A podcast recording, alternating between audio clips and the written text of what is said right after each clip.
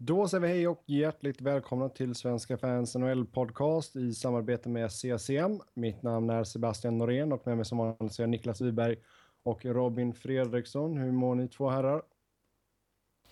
Jag mår bra. Eh, lite synd att ha fuckat ur så vi inte kunde köra live denna veckan bara. Jag, skyller, på, jag skyller på Apple och Steve Jobs uh, spöke. Och El kan inte, du kan inte håna de döda. Jag hånar dig istället. Hånar jag inte. uh, nej, vi kan väl säga det till er som lyssnar. Vi, planerna är ju att köra live.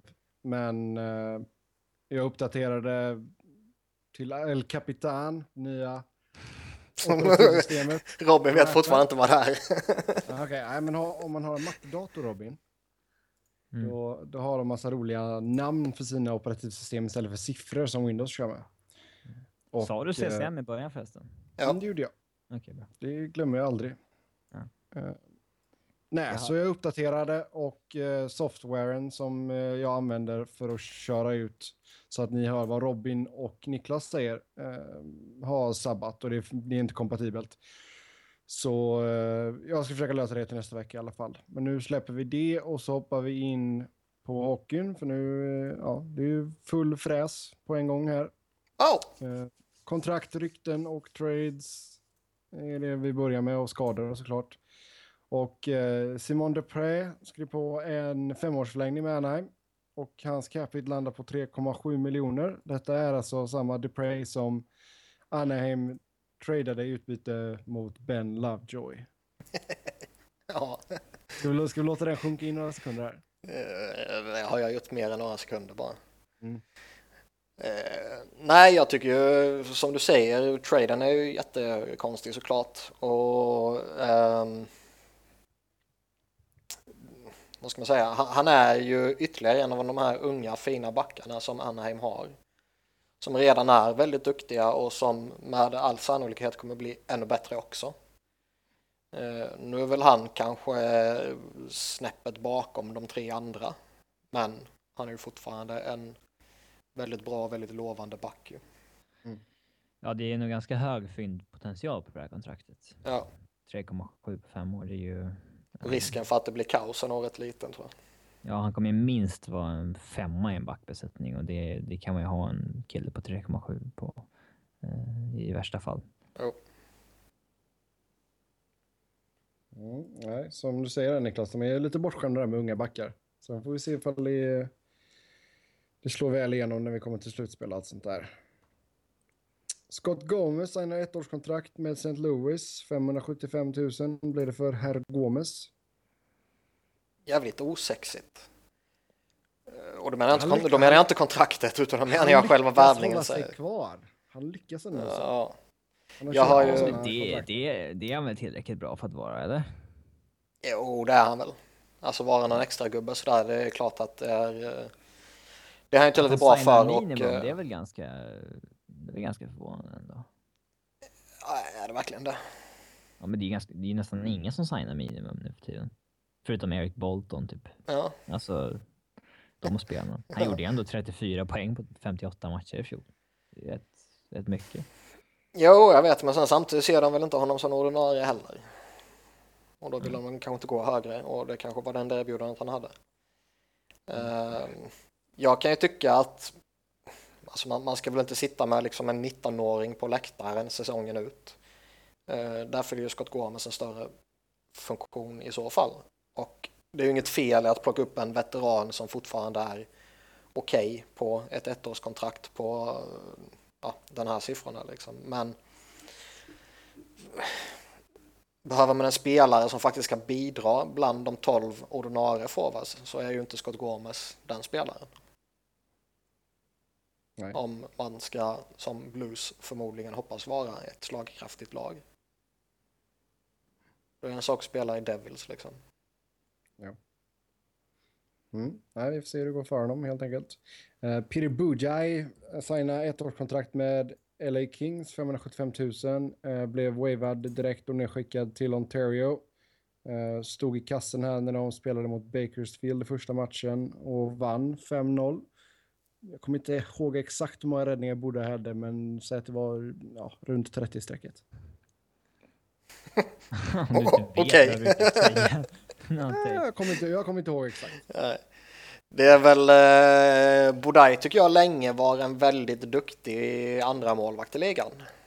Eh, han var rätt, eh, vad ska man säga, han kunde det här med att inte spela på länge och sen få en match och faktiskt vara bra i den matchen. Och sen vara utanför laget igen i två, tre veckor och sen få ytterligare en match. Det var han rätt duktig på förr i tiden. Där är han ju inte nu mera såklart. Eh, däremot så är det väl fortfarande en gedigen trea. Ja, han lär väl vara above average i AHL, antar jag. Ja, om man är motiverad att spela där. Det verkade inte ha varit i fjol om man tittar på hans siffror. Men Mm. Jag tror inte att han förväntat sig hamna i AHL i fjol när han gick till Winnipeg som hade Pavlic och Hutchinson. Då Mm. trodde jag kanske... Nu har han till och med att han skulle konkurrera om första spaden. Mm. Men så blev det inte. Mm. Nej, Hutchin- Hutchinson har varit bra inledande där också. Eh, Eric Bolton då, som du nämnde Robin. Eh, ett år med New York Islanders. Minimum där, 5,75. Man måste ändå respektera honom för hur länge han har hängt med. Ja, alltså det är väl hur många paycheckar har han lyckats få ut nu liksom. Det är ju det är många. 39 bast också. Han är, Ja. eh, Han är ju jättedålig. ja. Han var, ju helt, han var ju helt okej back in the day såklart ju. Då fyllde han väl en funktion till och med.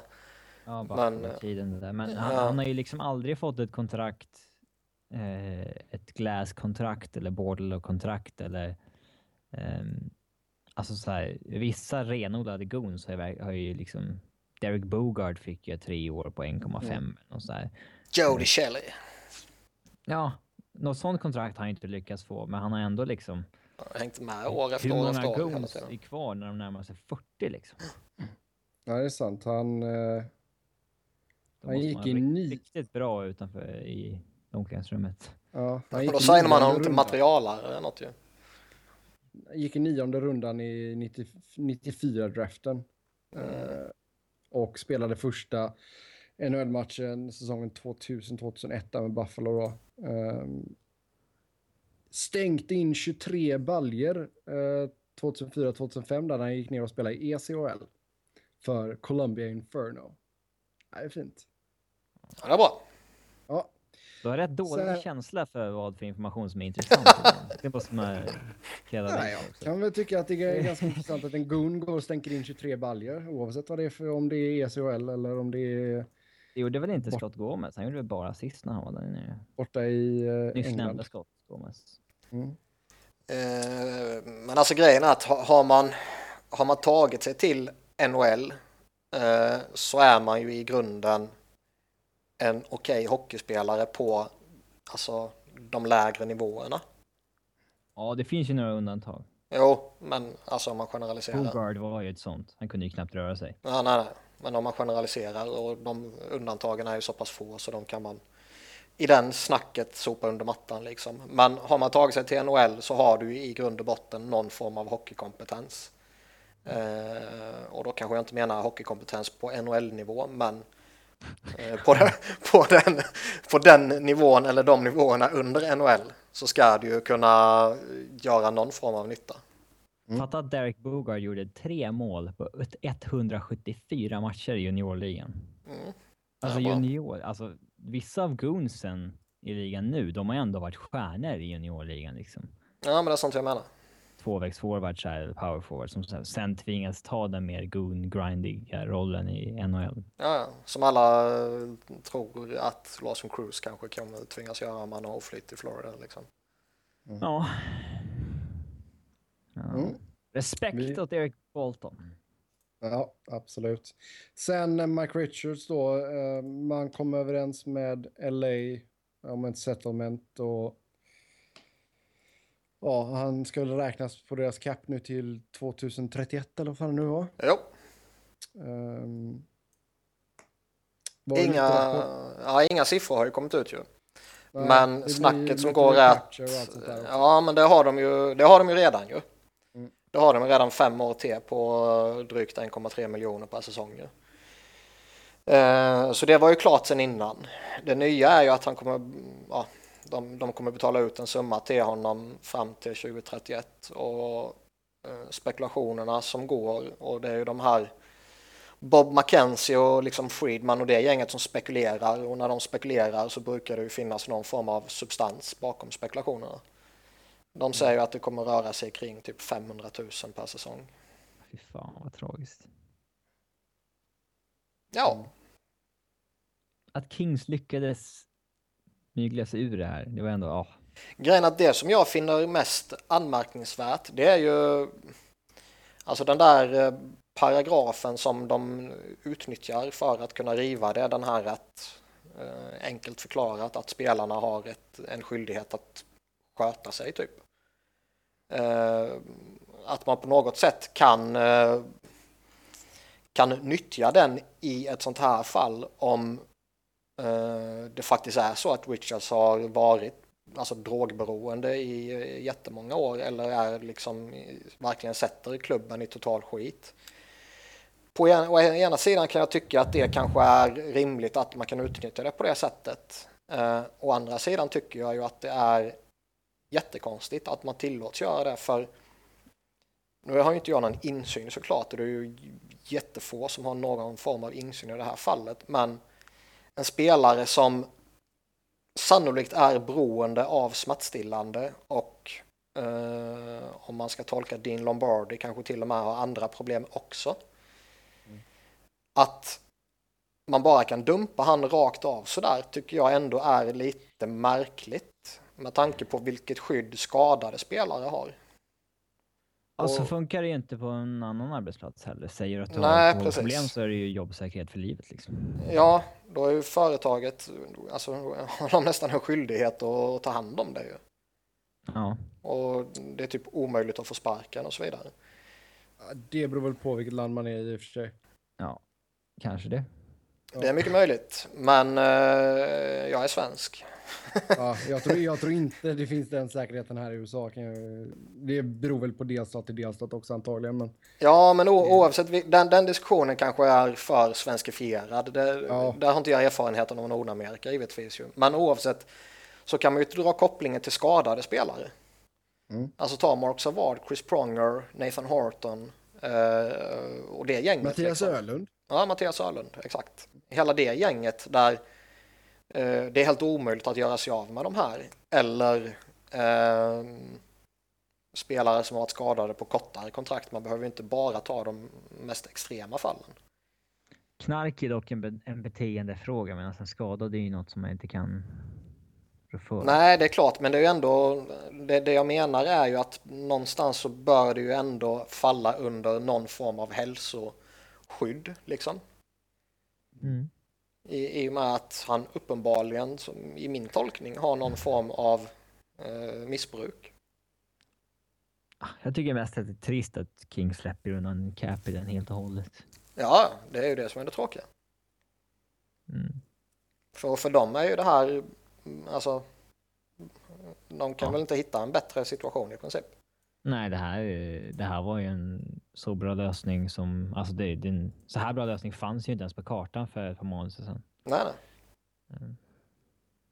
Och sen det roligaste av allt är ju faktiskt, eller roligt är ju fel uttryck, men det, eh, det mest sjuka tycker jag ändå är att ligan säger att det är helt okej att göra så här enligt reglerna. Kings har liksom, de har gjort vad de är tillåtna att göra.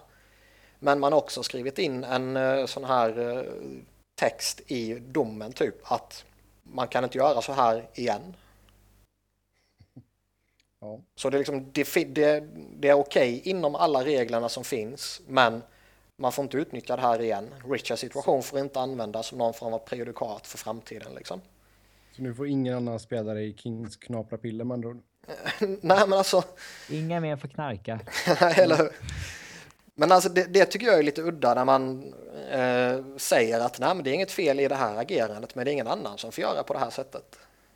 Nej, men detta är ju någonting som de kommer att alltså, spela facket lär väl fighta detta när det är dags för nästa CBA i så fall. Ehm, för Bill Daley sa ju det att ja, artikel 50 i CBA ger dem rätt till att göra detta liksom. Ja, exakt. Men det är ingen Så- annan som kommer ha rätt att göra det. Nej, nej det är konstigt. Det, det är det jag tycker är mest märkligt. För okej, om det nu funkar på det här sättet och eh, det är liksom ett, ett extremfall som man verkligen får utnyttja på det här sättet. Ja, det kan jag väl acceptera då. Mm. Men då kan man inte förbjuda andra att, att göra samma sätt när det har tillåtits en gång. Hur var det med Ryan Malone i Tampa? Han hade väl... Han åkte väl fast för koks va? Ja, han koksade. Mm. Eh, men hade han kvar någonting på kontraktet när det hände? Jag tror han eh, var på typ sista året eller Jag något tror sånt där också det. Och han det var- köptes väl ut då? Han köptes ju ut av Tampa. Jag kommer inte ihåg. Ja, han, han köptes ut när han hade ett år kvar på sin 4,5. Då hade ju de kunnat göra samma sak. Ja, men det är en sak att göra det när snubben har ett år kvar och det är en sak att göra det när man verkligen sitter i skiten som de gjorde med Richards kontrakt ju. Ja, och sen eh, Eh, Elliot Friedman skrev det också att andra lag, uh, screaming bloody murder. uh, och att de uh, kan tänkas göra en stor grej av detta i nästa Board of Governors-möte som tar plats i december. Ja, exakt. Och det, det, det är ju lite det jag menar också med att man, man kan inte tillåta en sån här grej en gång och sen säga att åt alla andra att nej, de här fick göra det, men ni får inte göra det. Och nu, menar, nu har jag ju skämtsamt sk- skrivit på Twitter så här att ja, man borde placera, placera ut droger i Le Cavaliers bil och du vet sådana grejer. Det, det menar jag ju såklart inte att folk ska göra.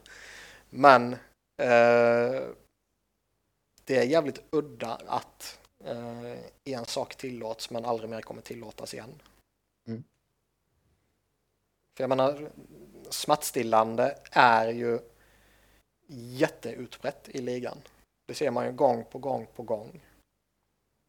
Och jag kan, det är som jag sagt tidigare, jag kan mycket väl tänka mig att det är Los Angeles som eh, liksom gav honom de smärtstillande i begynnelsen.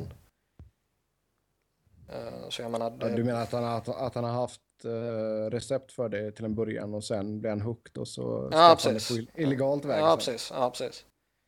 Det, det vet vi inte, men det, det... Nej, men det var det jag sa. Man kan ju misstänka det kanske. Ja, det kan man göra om man är konspiratoriskt lagd. Ja, det vet jag att jag är.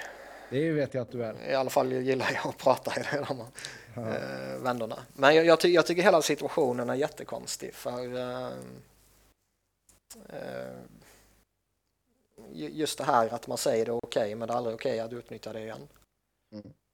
Jo, men alltså överlag så är alltså Kings uh, off-season med, och även det med Slava Vojnov nu då att han själv... Jared Stoll också. Ja, och Jared Stoll också, men att Slava Vojnov själv deporterar sig själv från landet så att han ska så att han har möjligheten att någon gång kanske kan komma tillbaka och med tanke på att Kings inte var tvungna att göra någonting så har de fortfarande hans rättigheter om jag inte har helt fel. Ja, och de har ju rätt att eh, nu tappar jag ordet, men som typ Boston gjorde med Tim Thomas eller vad det var, eller var det Islanders som gjorde det med Thomas? Att man har ju rätt att hindra honom om han kommer tillbaka. Mm. Eh, att spela för ett annat lag liksom. Ja, exakt. Eh, men där kan man ju dra ko- kopplingen också att eh, Kings, och det har vi sagt tidigare också, men Kings hade ju inga problem att eh, låta Vojnov komma tillbaka under tiden som han var eh, utredning för liksom hustrumisshandel. Och nu Dean Lombardi, han var rätt smutsig här i dagarna också när han gick ut i lokalblaskan och slängde Richards rätt saftigt under bussen. Lokalblaskan LA Times. Ja, det är väl lokalblaskan. Ja, det är väl en av de mest ansedda tidningarna i... Ja, men vadå? Han bor i LA och tidningen är i LA. Ja, okej. Då är det ju lokalt och det är en blaska. Okej, Sen har jag med dig i det du säger givetvis, men jag tycker ändå att mitt ordval var korrekt. okej. Eh, ja, ja, han sa ju att han har blivit played och, Mm. behu, behu, behu där. Sen är det faktiskt intressant hur länge han har haft de här problemen med Richards, för uppenbarligen så är det ju alltså problem på riktigt.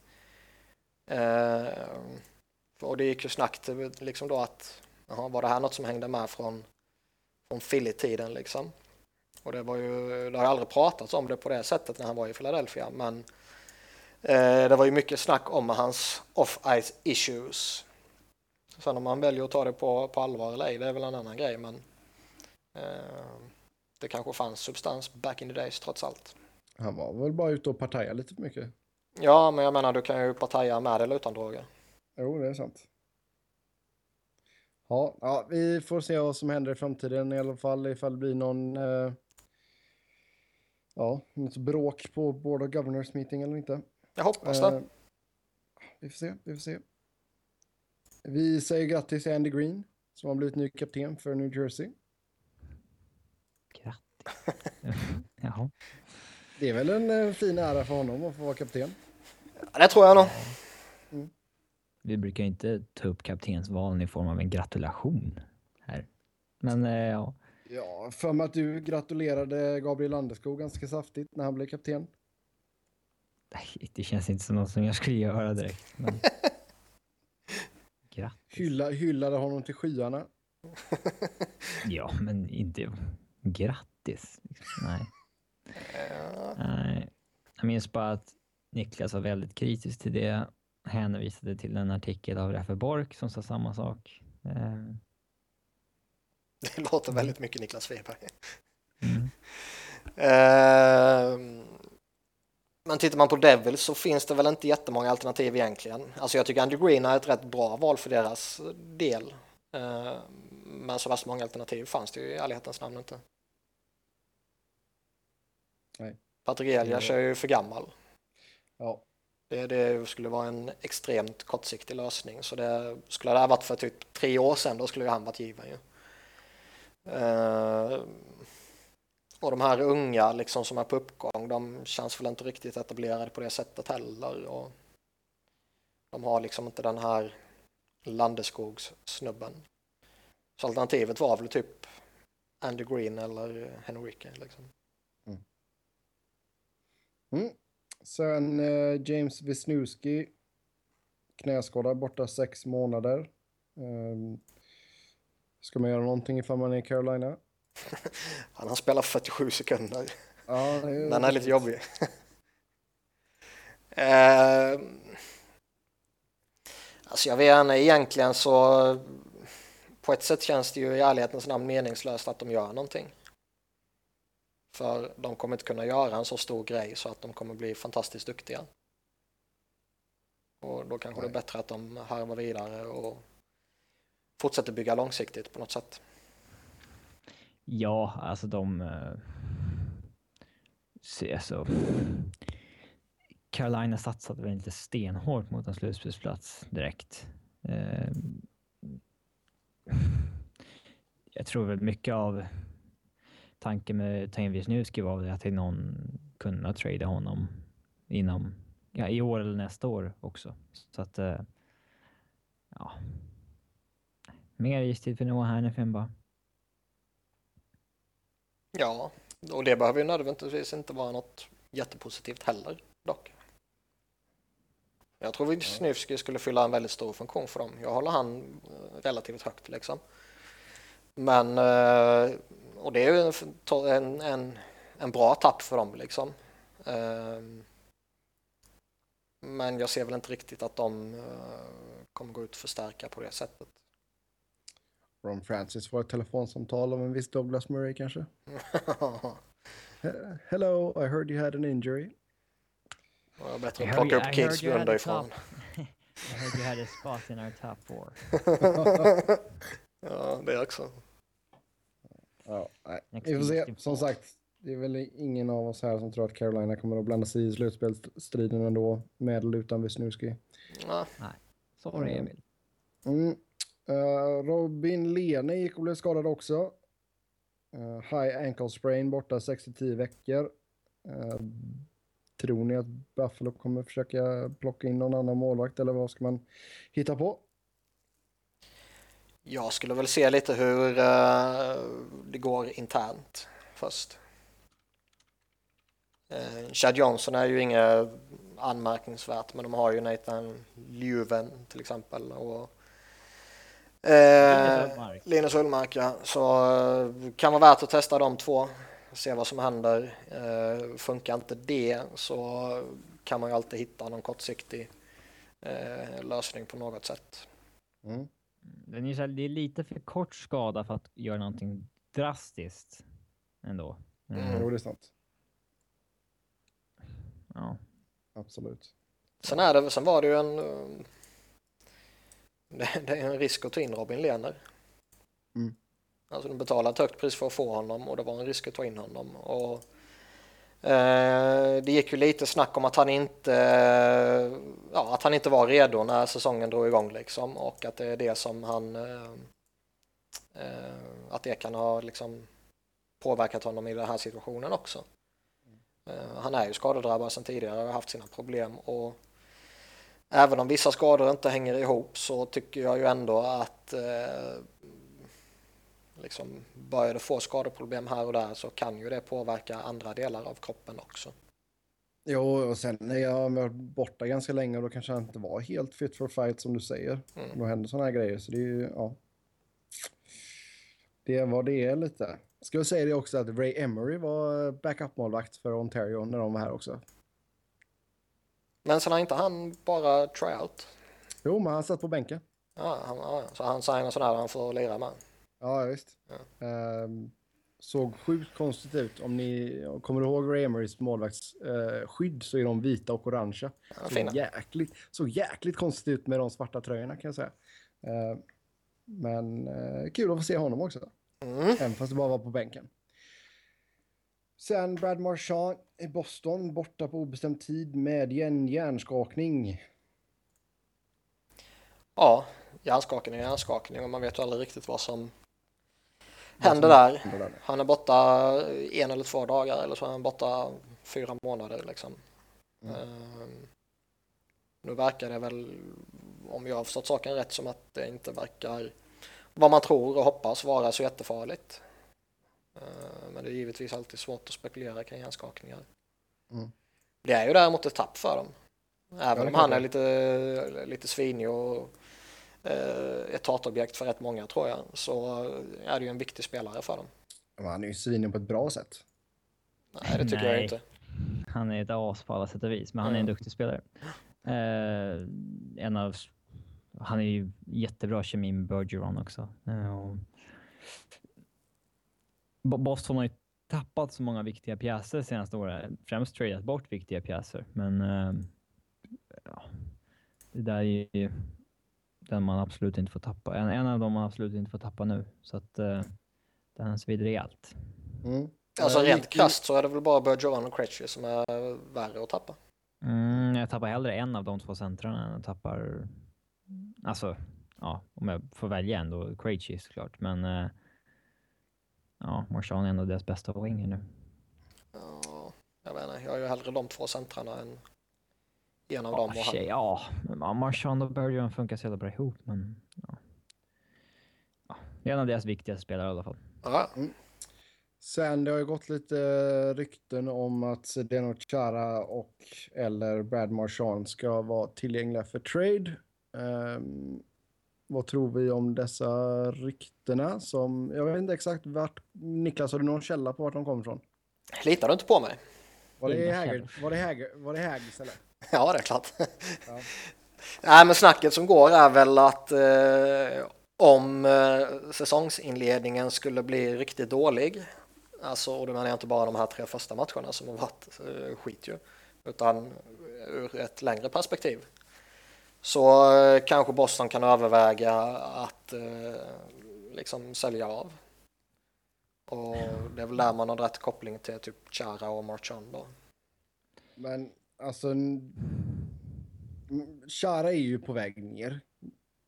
Alltså, ja, det har ju varit sedan lockouten. Liksom. Ja, men jag menar, vem, alltså, vem i sina sinnesfulla bruk tar på sig honom nu liksom?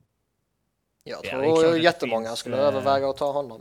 Jag skulle överväga att ta honom om man inte behöver betala så värst mycket för att få honom och om man kanske till och med får Boston till att ta lite kapp liksom. Vi sa ju samma sak om en Brian Campbell på över 7 mille när Chicago skulle dumpa honom liksom. Uh, det har varit jättebra för Florida. Mm. Ta in honom. Uh, han har ju åtminstone i år och nästa säsong kvar på i alla fall liksom, första backparsnivå. Det tror jag. Mm. Uh, och sen så, man ska ju komma ihåg att han har ett jäkla här specialkontrakt där hans sista år på kontraktet är fyra mille i capita. Mm. Eh, så det är inte så ett... Det är inte ett fruktansvärt kontrakt Så om han ändå visar sig vara hyfsat fit nu när han kommer tillbaka. Jag tror att, eh, som du säger, om han är eh, fit de här åren ut så tror jag ju inte att han kommer vara några problem att lira. Så bra Nej. tror jag han är i grunden. Däremot så kommer han ju inte vara, och det är han inte nu heller, den här eh, toppbacken som han var för några år sedan. Nej, ironiskt nog så det laget som skulle ha mest nytta av honom är väl de som behöver honom minst. Alltså de som kan ge honom 18-19 minuter per match. Eh, alltså som har tre riktigt bra backar och behöver den sista pusselbiten. Mm. Kanske har någon grym back på entry level kontrakt de här tre åren som gör att ja, de har råd med Chara. Mm. Eh, jag tror inte att det är nyttigt att till exempel Edmonton tar in honom och lirar honom 32 minuter per match. Eh, då tror jag nog att han kan se rätt haskig ut sista året på det där kontraktet. Men... Eh, eh, Däremot så är det där mycket väl ett lag som jag kan tänka mig gå efter honom. Om han blir tillgänglig. ja,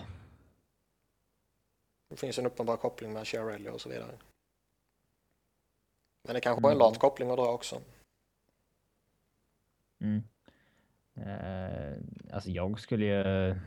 Jag skulle lätt kunna gå efter Chara också om de var villiga att ta en... Alltså ta Brad Stewarts kontrakt i utbyte liksom. Eh, vem vet, alltså Sweeney kanske fortfarande tror att han är en topp 4-back liksom. Eh, de har ju dessutom en historik med Brad Stewart. Eh, Nej, men jag tror inte, alltså vill man göra sig av med Chara så tror jag inte det är några problem. Framförallt inte om man är redo att käka lite cap. ja, det... Ja. Ja, kanske. Du retainer redan på Lucic, men... Ja, men det går ju ut efter den här säsongen. Mm. Och jag menar, plocka en och en halv, två miljoner på Chara och få bättre utbyte för honom. Ja, bestämmer man sig för att dumpa honom kan det vara värt att göra det. För, för liksom bestämmer man sig att okej, nu liksom skeppar vi Chara, vi skepp- skeppar eh, Brad Marchand och eh, vad kan man med, ja, Louis Eriksson kanske. Jag menar, då är det ju inte någon mening att sitta och oroa sig över att behålla någon miljon här och där. För då kommer man ju gå in i eh, antingen en kortsiktig eller en långsiktig rebuild. Tim Murray är nog smart nog att i alla fall undersöka kära situationen. Ja, Mm. Och jag skulle, mm, om jag var Buffalo-supporter så skulle jag nog vara, känna mig ganska trygg i att Tim Murray inte skulle bli blåst av Don Sweeney. Där är ju ändå en av de ligas mer vassa GMs mot en av de mer tveksamma. ja. Nej, jag säger inte emot dig. Ja, vi får se. Vi får se. Uh, Marchand eh, har ju varit ganska kritisk mot Boston Media förut när det har gällt rykten och sådär. Men vi får se vad som händer helt enkelt. Det skulle, alltså det skulle, med tanke på vad han gjorde i somras, Sweeney, så skulle det ju faktiskt vara skoj att se honom spränga laget. Hur han gör det, vad Men det han hade gör. blivit, alltså, hade inte Bruins-fansen gått i revolt då? Eh, jo, Ja, men vissa är ju, vissa, det finns ju alltid de som tycker att det är spelarnas fel också liksom. Som tycker att det, det finns ju alltid de här blow the team up. Liksom. Eh, Jo. Men det känns ju som att majoriteten av dem skulle lyncha Sweeney. Ja, kanske. Alltså, om jag var... Jag skulle fram, om han tradar Chara nu, då skulle jag i alla fall ställa frågan varför tradade du inte honom före du tradade Hamilton? Liksom? Eh, om du ska bygga om så...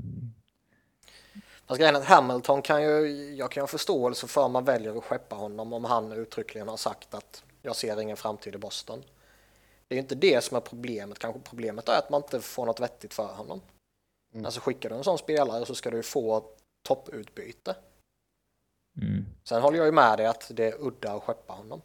Man blev ju lite inträngd i ett hörn där när man... Eh, eh, när man visste att Edmonton skulle offersheeta honom inom, ja vad blev det, 48 timmar eller vad det var. Mm. Och då skeppade man honom till Calgary för att få ett draftval bättre än vad man skulle fått i en eventuell offersheet. Mm.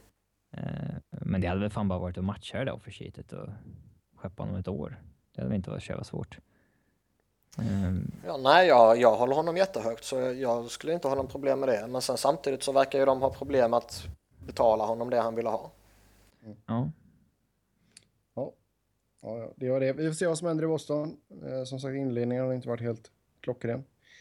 Eh, ett annat lag som har haft en riktig röten inledning, det är LA Kings. Eh, första gången sedan eh, 85-86 som man har förlorat de första tre matcherna. Eh, tredje gången i franchise history som det har hänt. Eh, man har även tappat Dwight King då med en fotfraktur borta 8-10 veckor. Ja, eh, vad ska man säga, han brukar väl göra sitt jobb bakom de stora. På mm. det sättet är det väl en jobbig förlust, men har du liksom Kopitar, Carter och Gabrick, och Foley, Lucic, eh, Pearson och så vidare så då är inte det här någonting du ska stå och falla på. Nej. Men visst, eh, kännbart bör det väl vara på något sätt. Sen har vi tre stycken eh, tacklingar som vi ska snacka om här och den första är Chris Kryders på Alexander Wemberg. Eh, ingen åtgärd där. Rätt eller fel? Jävligt. Nej, men jag, jag tycker att det är en tackling som borde gett två minuter interference. Eh, måla, måla oss en ordbild Robin. Va? Nej. Nej, jag, jag hörde inte och fattade inte vad du sa. Måla oss en ordbild. Jaha.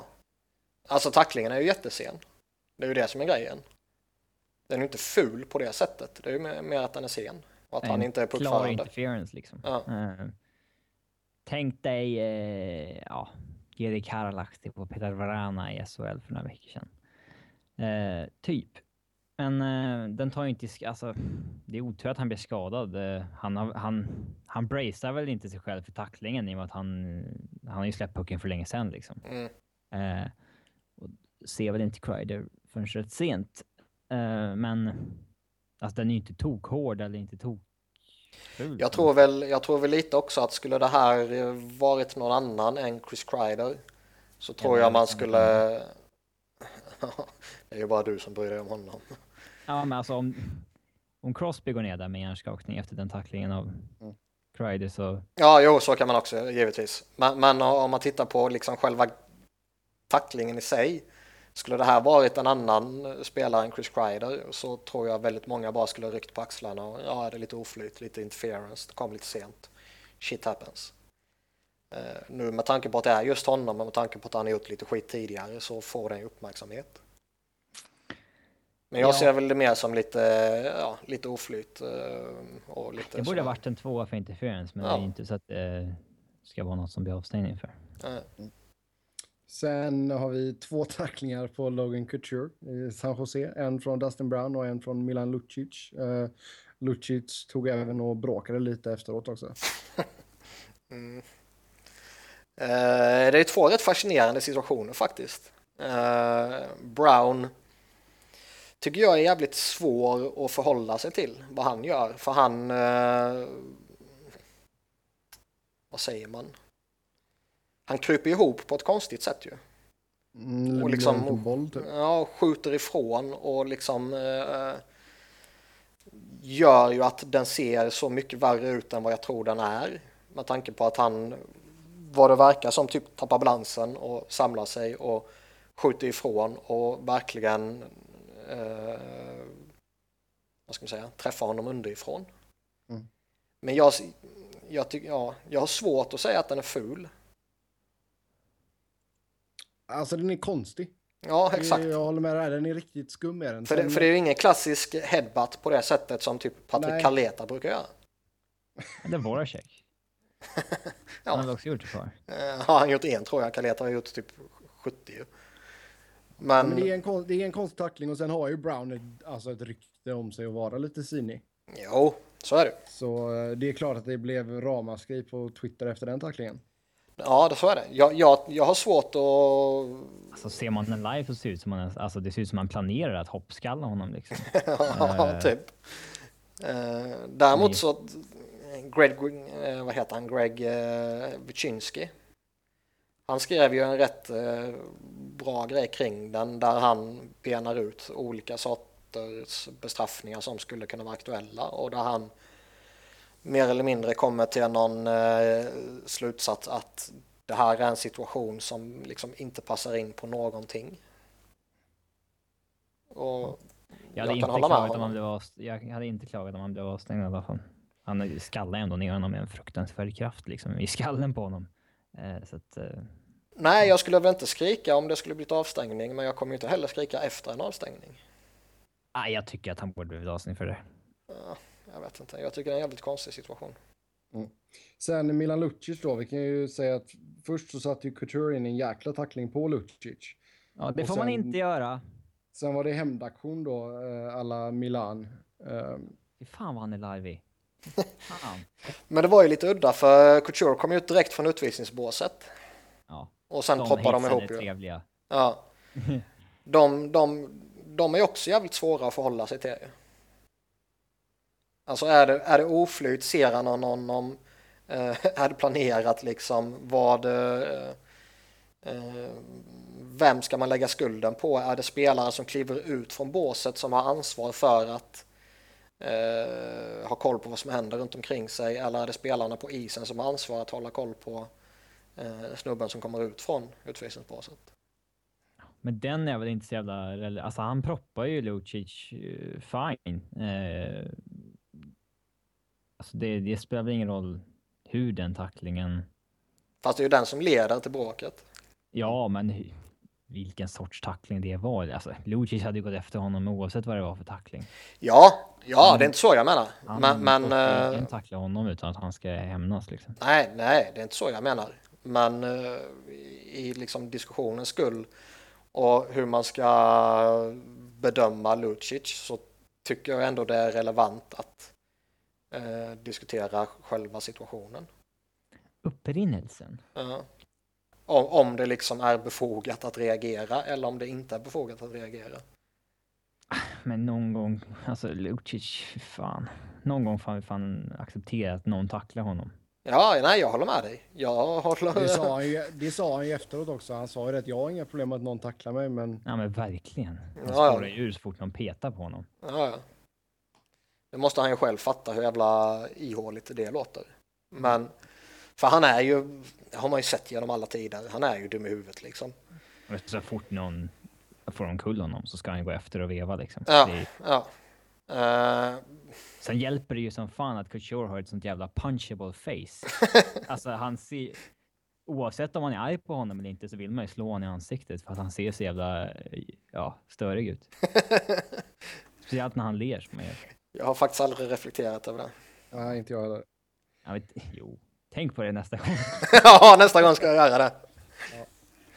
Sen eh, sista grejen vi ska ta upp här också då, det är att escrow är satt till 16% för första fjärdedelen av säsongen. Och vad innebär det? Jag lämnar över till vår matematiker Niklas Wiberg. jag är fan ta mig ingen matematiker.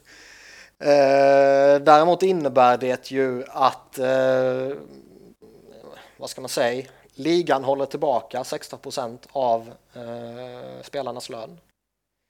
Som man lägger åt sidan för eh, eh, de här hockey-related revenue eh, som sen ska fördelas ut till 50-50 tillsammans med ägarna. Och det var ju den här delen, den var ju en rätt stor grej i CBA och i förhandlingarna. Hur den här delen skulle fördelas. Så det är ju en rätt... Eh, det är ju alltid, vad ska man säga, det är alltid anmärkningsvärt när eh, lönerna hålls tillbaka på det här sättet liksom. Och, Ja, det är klart. det är väl någonting som spelarna såklart inte är glada över, att eh, tappa inkomst. Nej, det hade inte jag heller varit.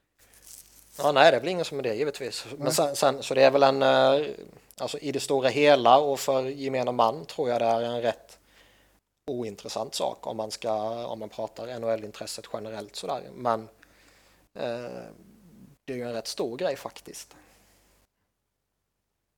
Mm, så in och läs med er. TSN har uppe en artikel om det. Ja, Ja, det, är- det är lite jobbigt när man är, alltså jag är så extremt dålig på eh, matte och såna här ekonomiska grejer så det är 50-50 är att man delar hälften hälften. Så mycket är jag med. Ja, det är bra. Men alltså det var ju vissa andra grejer i artikeln som hon bara, det varit gånger och grejer. ja, jag vet. ja, det var lite så här, man bara nej. Men det, det är bättre att läsa det som Frank Saravelli skrev. Eh, om man har intresset. För det, det är en rätt stor grej, men för gemene man påverkar det ju ingenting liksom. Jag tror väl att de senaste officiella siffrorna som där var från säsongen 2013-2014. Och då var det 14 procent totalt och sen var det 3,76 procent refunded och sen ja, då salary lost 10,24 procent. Mm. Och det är de inte glada för. Nej, det är väl ingen, absolut ingen som vill förlora 10 procent av sin lön. Nej. Nej. Ja, med det så går vi vidare i programmet och vi ska prata om inledningen av säsongen och eh, något speciellt som vi har tagit med oss från inledningen. Um, ja, vad har ni att säga? Alltså, Kings otroligt dåliga inledning är ju självklart på, på min hjärna. Um, det är ju tre lag som står ut. Det är ju Kings som du säger, sen är det ju Boston som vi var inne på lite tidigare och sen är det ju Pittsburgh. Alla tre har ju torskat tre matcher. Mm. Eh, Förvånansvärt många lag som har torskat tre matcher ändå kan jag väl tycka. Inte ett enda i Central såklart. Eh, Nej, så är det ju. Sen är liksom grejen att eh, alltså vilket lag som helst i ligan kan ju gå på en hot streak eller kan ju hamna i en formsvacka utan att man gör mer än rycker på axlarna åt det. Mm. Det som gör det anmärkningsvärt här det är ju att det är så tydligt eh, just i början på säsongen. Skulle Boston torska tre raka matcher i december så skulle ju liksom folk inte bry sig. Nej, nej det är ju skitsamma. Ja. Um, men det är ju nu och man gör det efter sommaren som man hade, som vi har pratat om så många gånger. Och, eh, man har väl inte sett jättebra ut heller och man har ju framförallt släppt in ofantligt många mål. Och LA eh, har jag tyvärr inte sett, men... Ja, det kan du vara glad över. Eh, nej, jag tror jag skulle njuta rätt bra faktiskt. Men... Var de eh, rätt dominanta mot Arizona till exempel egentligen? Men... Ja. I första perioden var de det absolut. Men de har bara gjort två baljor på tre matcher och de har släppt in 12 mål liksom. Man vann väl skotten med dubbelt så mycket som Arizona till exempel. Då, sådär. Det... Ja, nej, jag, jag har inte sett dem som sagt så jag vet inte. Men mm. så det fascinerande är ju ändå att man är poänglösa. Uh, Pittsburgh tycker jag ju under stunder har sett dåliga ut. Sen kan det vara att man är lite segstartade, det har varit lite rotation i truppen. Någon spelare kanske har något problem här och där. Jag tycker till exempel Malkin ser inte jättehet ut alltid. Uh, och sen var det någon, jag läste någonstans att det var någon, uh, någon höjdare i något lag i ligan på något sätt som tyckte att Crosby försökte hitta Phil Kessel för mycket istället för att liksom själv ta befälet. Uh, det ser väl inte jag som något problem direkt egentligen. Nej. Alltså man vet, man vet ju att Crosby och Malkin och Kessel och alla de där kommer komma igång. Det är ju bara en... Ja, Frågan är om de gör det nästa match eller om de gör det om en vecka liksom. Ja. Däremot så skulle jag Alltså deras blå linje är liksom Ian Cole i ett första backpar med Letang. Och Mäta med Ben Lovejoy. Det är väl ett OK andra par. Sen är det Demolin och Scuderi i tredje och det är ju inte, det är inte bra. Och eh, det liksom när de är skadefria. Så är det. Vad fan händer när Letang går omkull? Så är det. Sen är det ju det, det jag har sett av dem eh, och som man fascineras över mest hittills och tre matcher är ju givetvis ingenting man kan ta några som helst slutsatser av. Eh, men det jag fascineras mest av hittills det är ju att offensiven inte alltid ser jättebra ut. Eh, sen kan det bara ha att göra med att det är många nya in. Det tar tid innan det sätter sig liksom. Så det, ingen, man, det finns ju inget lag i ligan som ska trycka på panikknappen efter tre matcher. Mm. Eller fyra matcher som det är några lag som har spelat. Liksom. Ja, hur många matcher fick Violett? Det var väl tre? Ja, och det, och det vet du att jag har kritiserat rätt hårt. Ja. Uh, men uh, liksom, visst, fortsätter det gå åt helvete för LA, fortsätter det gå åt helvete för Boston, fortsätter det gå åt helvete för Pittsburgh, då... Jag tror, ja, det är ju inte... Det, sannolikheten för att det gör det är ju rätt obefintlig tror jag, men skulle det göra det så tror jag mycket väl att vi kommer att kunna få se åtgärder. Det intressanta med om det fortsätter gå dåligt i Boston, det är ju att gör Sweeney... Ja, han har väl tre alternativ. Antingen visar han bara tålamod, vilket jag inte tror sker. Mhm. Eller så gör han ju en mega trade. Eller så sparkar han Julian. Mm. Och det vore intressant att se vad han väljer där. Ja, Mm. definitivt. Julian är ändå en av ligans bättre coacher, tror jag. Så att, eh, Nej, det tror jag med. Och jag, jag tror väl att en trade ligger närmare någonting. till hans i så fall. Man offrar Louis Eriksson eller något. Först, i alla fall. Det tror jag med. Lombardi har alldeles för stort tålamod. Trots att det gick dåligt i fjol så tror jag ändå att han har, han har inte tappat allt tålamod. Edmonton är vana att förlora, det är inga konstigheter. New Jersey, ja, de är fortsatt då, de är dåliga i år helt enkelt. Samma sak med Carolina. Columbus, jag tror nog Jarmo kan väl eh, hitta på någonting ifall det går dåligt. Han vill, han är nog trött på att inte vara slutbeslag, tror jag. Men är han den som gör något sånt där jätteomvälvande liksom? Verkligen men skakar ja, om allting eller gör han en liten grej som justerar någonting bara? Han är ändå rätt aggressiv ju. Ja, men han har liksom, känns det inte som han han har gjort sina aggressiva grejer nu. På ett sätt. Mm. Jag vet inte. Möjligtvis plocka in en back eller något sånt där liksom, men jag vet inte. Vad tyckte ni om Conor McDavids första mål förresten? Ja, Det var en styrning i mål. Väldigt eh, antiklimax. Eh, Ja, man men det här hade med att första väl... målen alltid ska vara så speciella. Hur många lever upp till det egentligen? Ja, Malkin slog in en puck som låg lös under målvakten liksom. Eh, vad har vi mer? Landeskog hoppa, eh, skulle hoppa undan när Jan Heida sköt så fick han pucken på skridskon och in. Eh, Mm. han var uppe i luften. Jack Eichel gjorde ganska bra första mål. Nikolaj Ehlers, det var fint. han har ju sett riktigt bra ut alltså. Max, Max Domis första mål var inte att hänga av facken heller. Men alltså, Ja, jag, jag, ingen, ingen kollar Arizona highlights. inte. nej vad fan, vem bryr sig om dem? Eh, Men jämför man McDavid och Eichel så har ju McDavid inte alls sett bra ut. Ah, Jag tycker inte att han har sett dålig ut det jag har sett. Men alltså det är inte så så att man wow, här är nästa stjärna liksom. Nej, men det har man ju nästan fått kring eh, Jack Eichel. Ja, men de har ändå känslan att eh, Eichel har bättre spelare omkring sig. Men eh, hans andra mål framför allt när han trycker undan spelaren som har pucken, vänder precis när blålinjen, trampar in och sen sätter den i bortre krysset. Det är ju ett stört bra mål. Oh, ja. Ehm, på något sätt känns alltså Eichel, han spelar ändå med Evander Kane. Det är ändå en riktigt bra spelare. Um,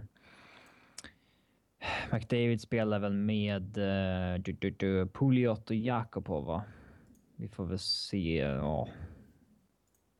Hur länge det varar. Men Det är klart omgivningen påverkar jättemycket. Eh, Men tittar man på liksom individuella skills baserat på tre matcher, vilket givetvis inte är någonting överhuvudtaget, men ändå, så ser ju Eichel bättre ut på de här tre matcherna.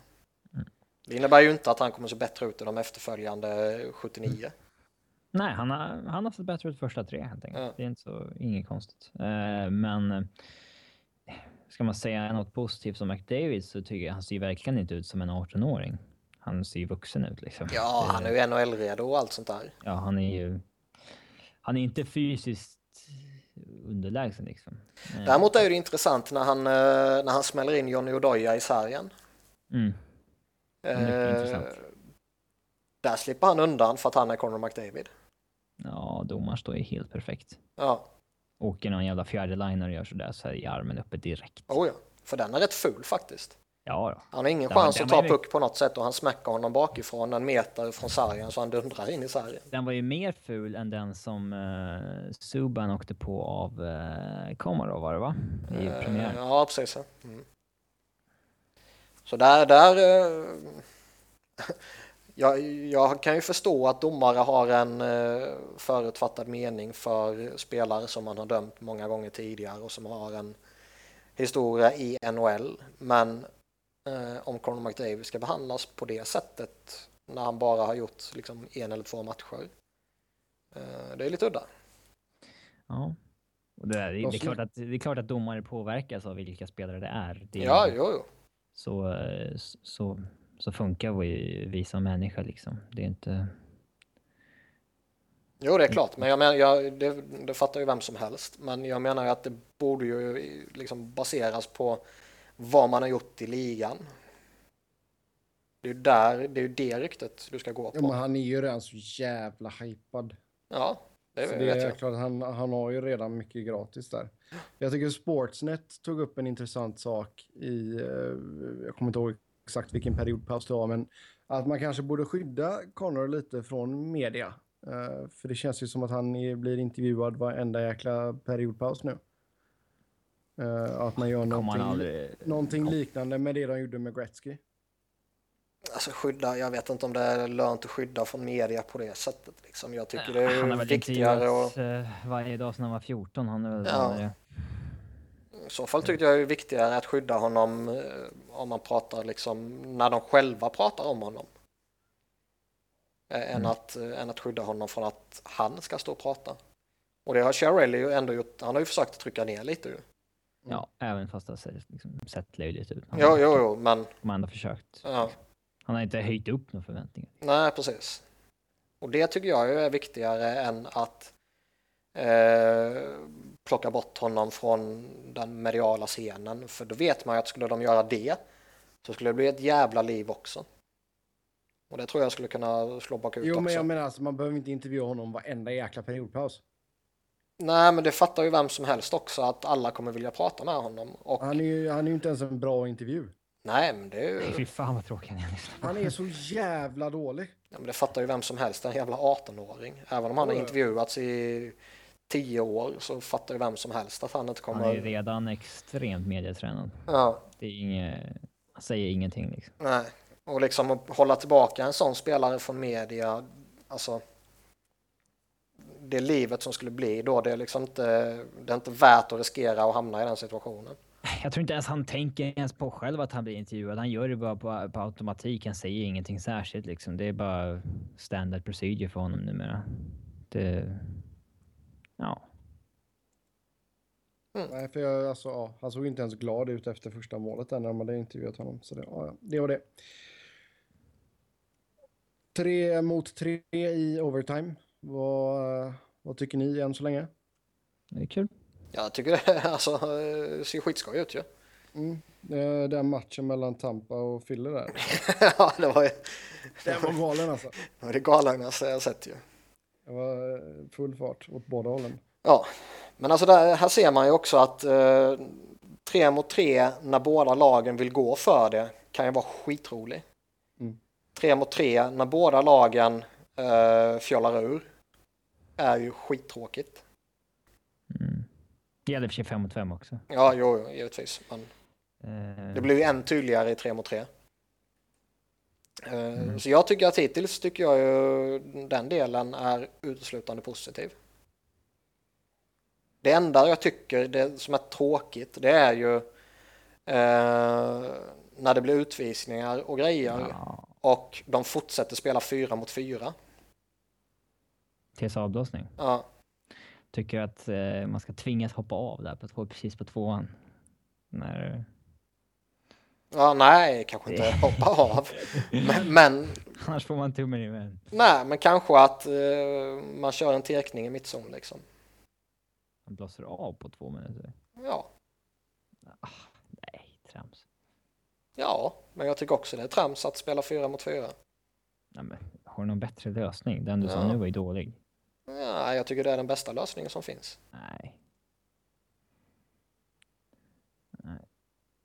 Ja, nej, det är helt okej, du har fel ibland. Ja. Sen eh, Babcock blev ju historisk här när han vann den första coaches challenge i ligan. Nej, Ja. tror du skulle snacka om eh, Mike Commodores superrant. Ja, den- den kan vi också ta upp. Den är, den är ju en hel historia i sig, men eh, Babcock Hoppas vann första coaches påkörd av en challenge. Mm. Vem som vann första coaches challenge är väl jätteirrelevant. Men det har ju ändå hänt en fem, sex gånger nu va? Ja, något sånt. Och jag, jag tycker... Jag tycker det är bra att de införde det.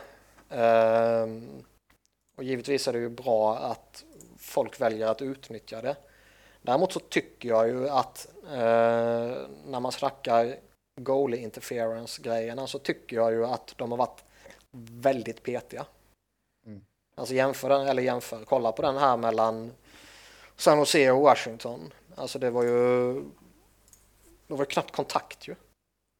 Nej, men det är det som gäller nu med. Du får inte vara innanför överhuvudtaget liksom. Nej, och det är det jag tycker är så tråkigt. Alltså, nu kommer jag inte ihåg, kan det varit? Kanske var det Babcock-grejen eller var det offside? Jag kommer inte ihåg. Eller var det goal Mm. interference? Det var goal interference. Ja, för den var ju rätt tydlig liksom. De stötte ju till klubban det eller vad fan det var liksom. klubb, klubba uppe i, i eh, halsområdet där. Ja, något sånt där. Och det är ju inget att säga om tycker jag. Men det här var ju liksom, ja, han åker förbi honom. Alltså ska de ha den nivån, då är det ju värt att överklaga varenda jävla mål som sker. Och hoppas du har flyt och, och liksom eh, och få det med dig om de ska vara så petiga. Mm. Så det, det är den ena reflektionen jag har. Den andra reflektionen är ju där de kanske har gjort ett uppehåll för att vänta in en eventuell challenge. Det tycker jag inte heller det ska vara.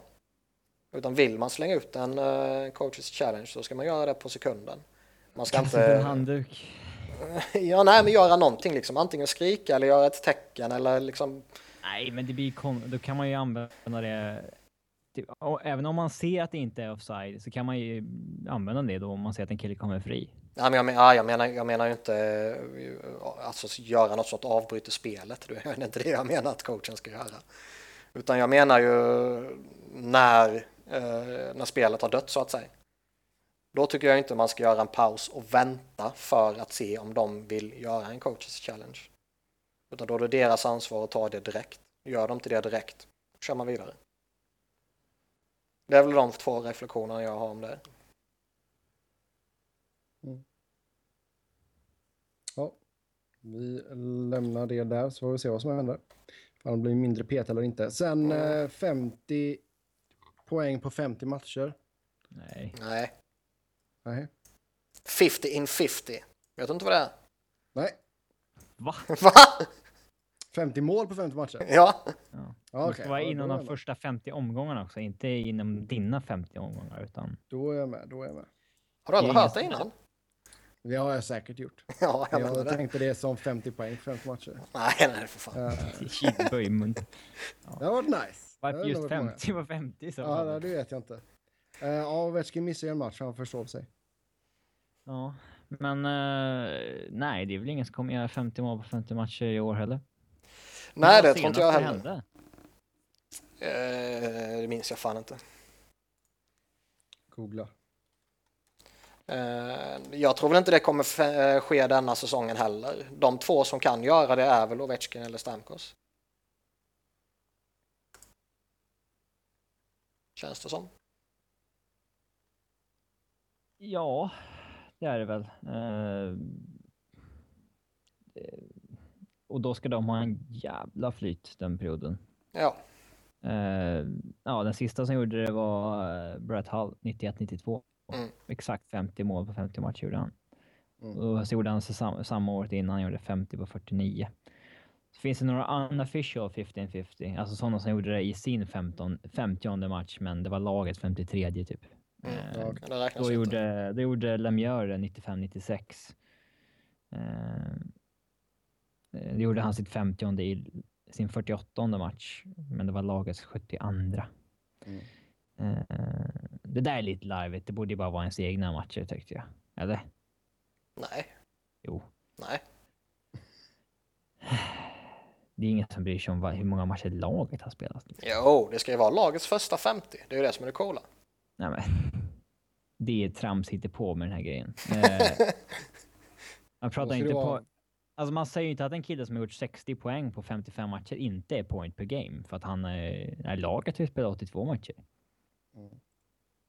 Nej, det håller jag om. Men man kan ju bedöma olika saker olika.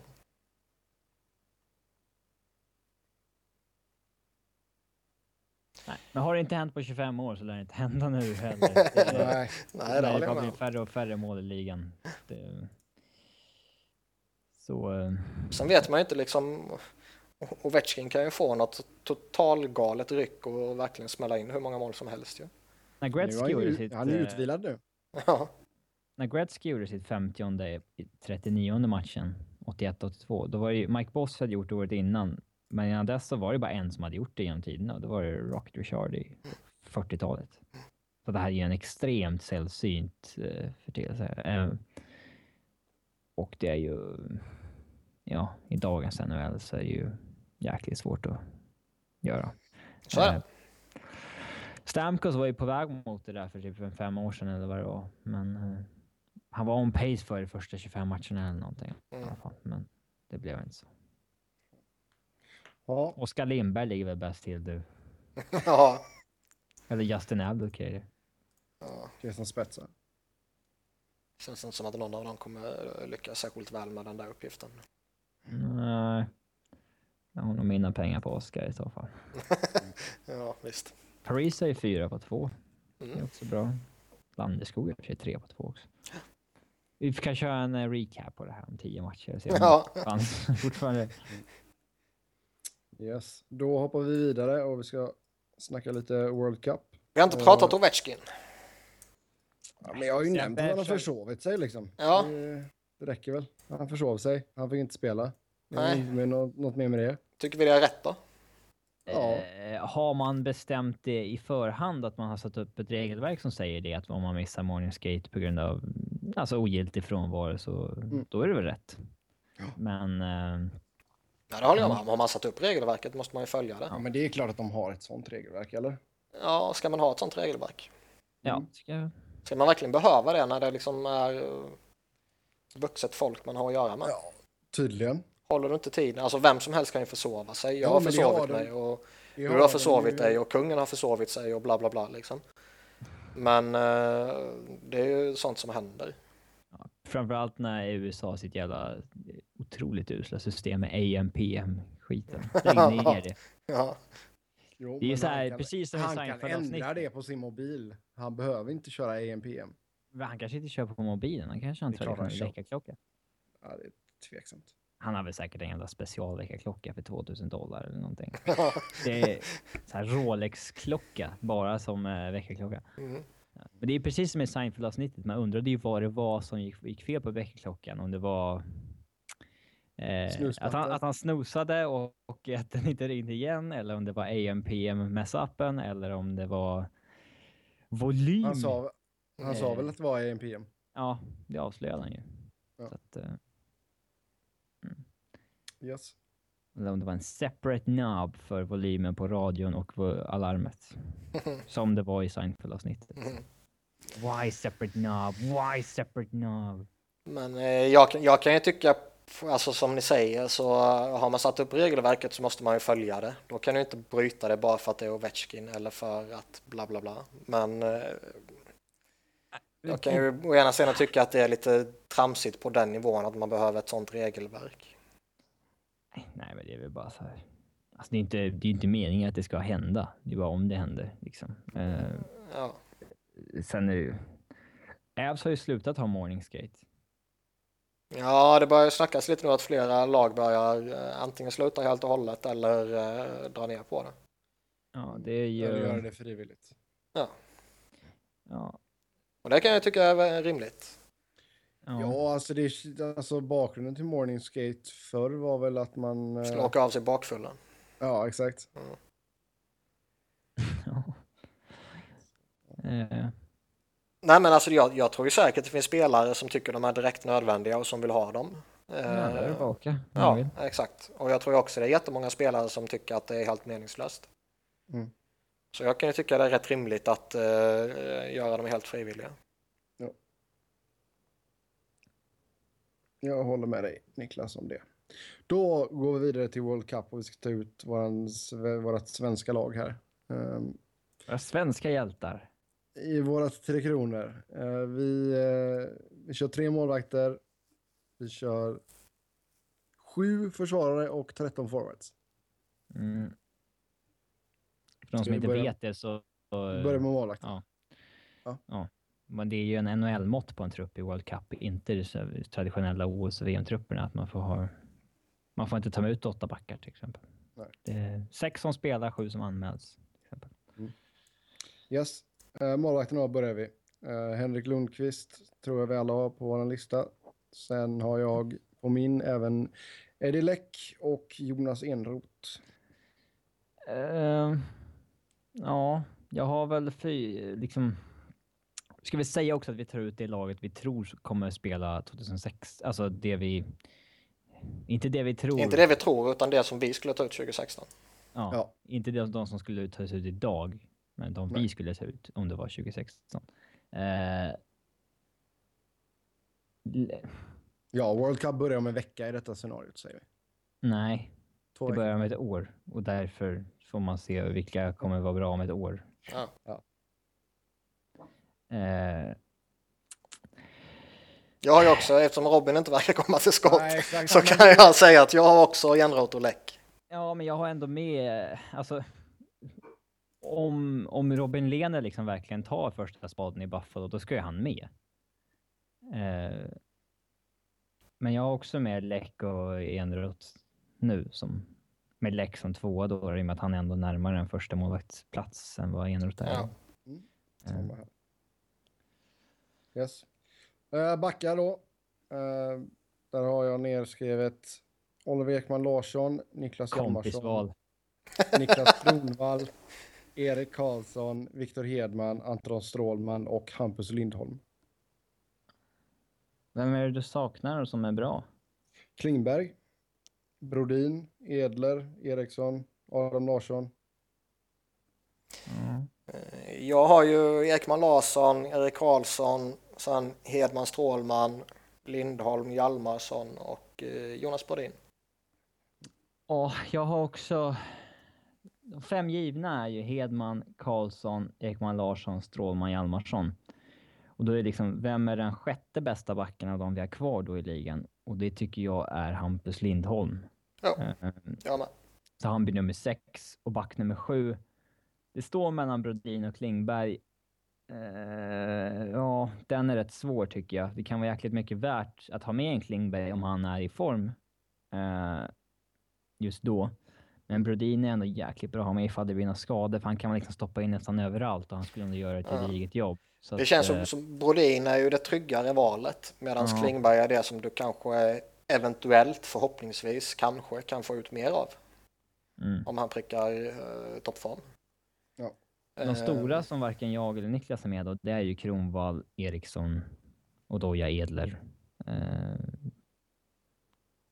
de, de som ändå spelade OS liksom för bara ett, ett och ett halvt år sedan. Mm.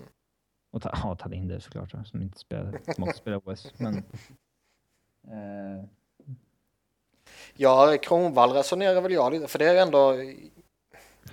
Jag är ju helt 100% övertygad om att Niklas Kronberg kommer spela World Cup. Ja, det kommer han. Eh, han kommer vara med. Det är bara en, eh, en skada som kommer hålla honom borta från World Cup. Det är jag 100% övertygad om. Men personligen skulle jag inte ta med honom för jag tycker att han eh, redan nu är en sämre, alltså betydligt sämre back än han var för bara en kort tid sedan. Mm. Och han är redan gammal, han kommer vara ännu äldre när World Cup börjar och Konkurrensen är för bra. konkurrensen är för bra. Jag tycker egentligen inte att han är dålig så sett. Han är fortfarande en bra back i ligan. Hade tre Eh. år sedan, alltså, hade inte Lindholm, Klingberg och de här alltså då hade ju han varit tokgiven om han var på samma Ja, nivå. ja. Liksom. Jag, ser, jag, Kanske ser, Eriksson och ja. jag ser ju liksom bara att det är åtta backar som jag ser är bättre. För det, Ja, det är ju liksom... fler, jag. tror att både Klingberg och Brodin skulle jag hålla före.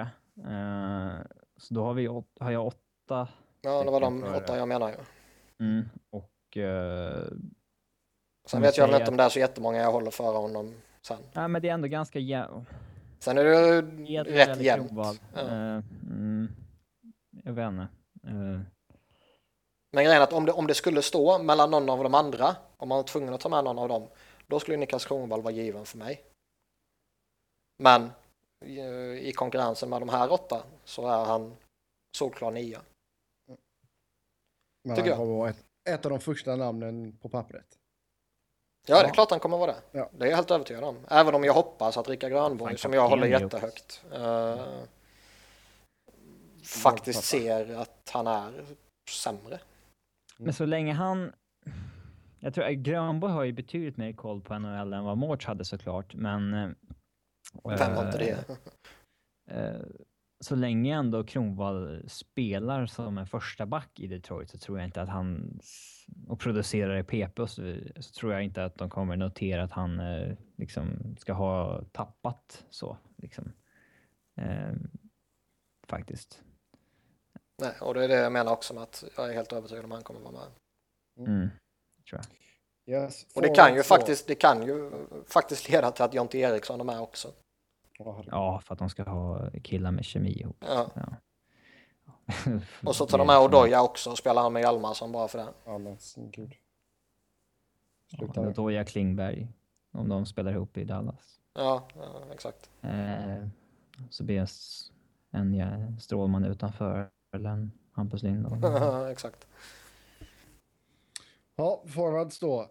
Um, då får vi rabbla av ett par stycken här. Men Filip Forsberg, Kan Niklas jag, ta, Bäckström. kan jag ta centersidan först eller något? Så att det, Ja, visst. Centra, Niklas Bäckström, Henrik Sedin, Henrik Zetterberg, Marcus Kryger, Carl Söderberg, extra forward. ja, jag har ju samma fyra, men jag har inte med Söderberg i, eh, i truppen. Okej.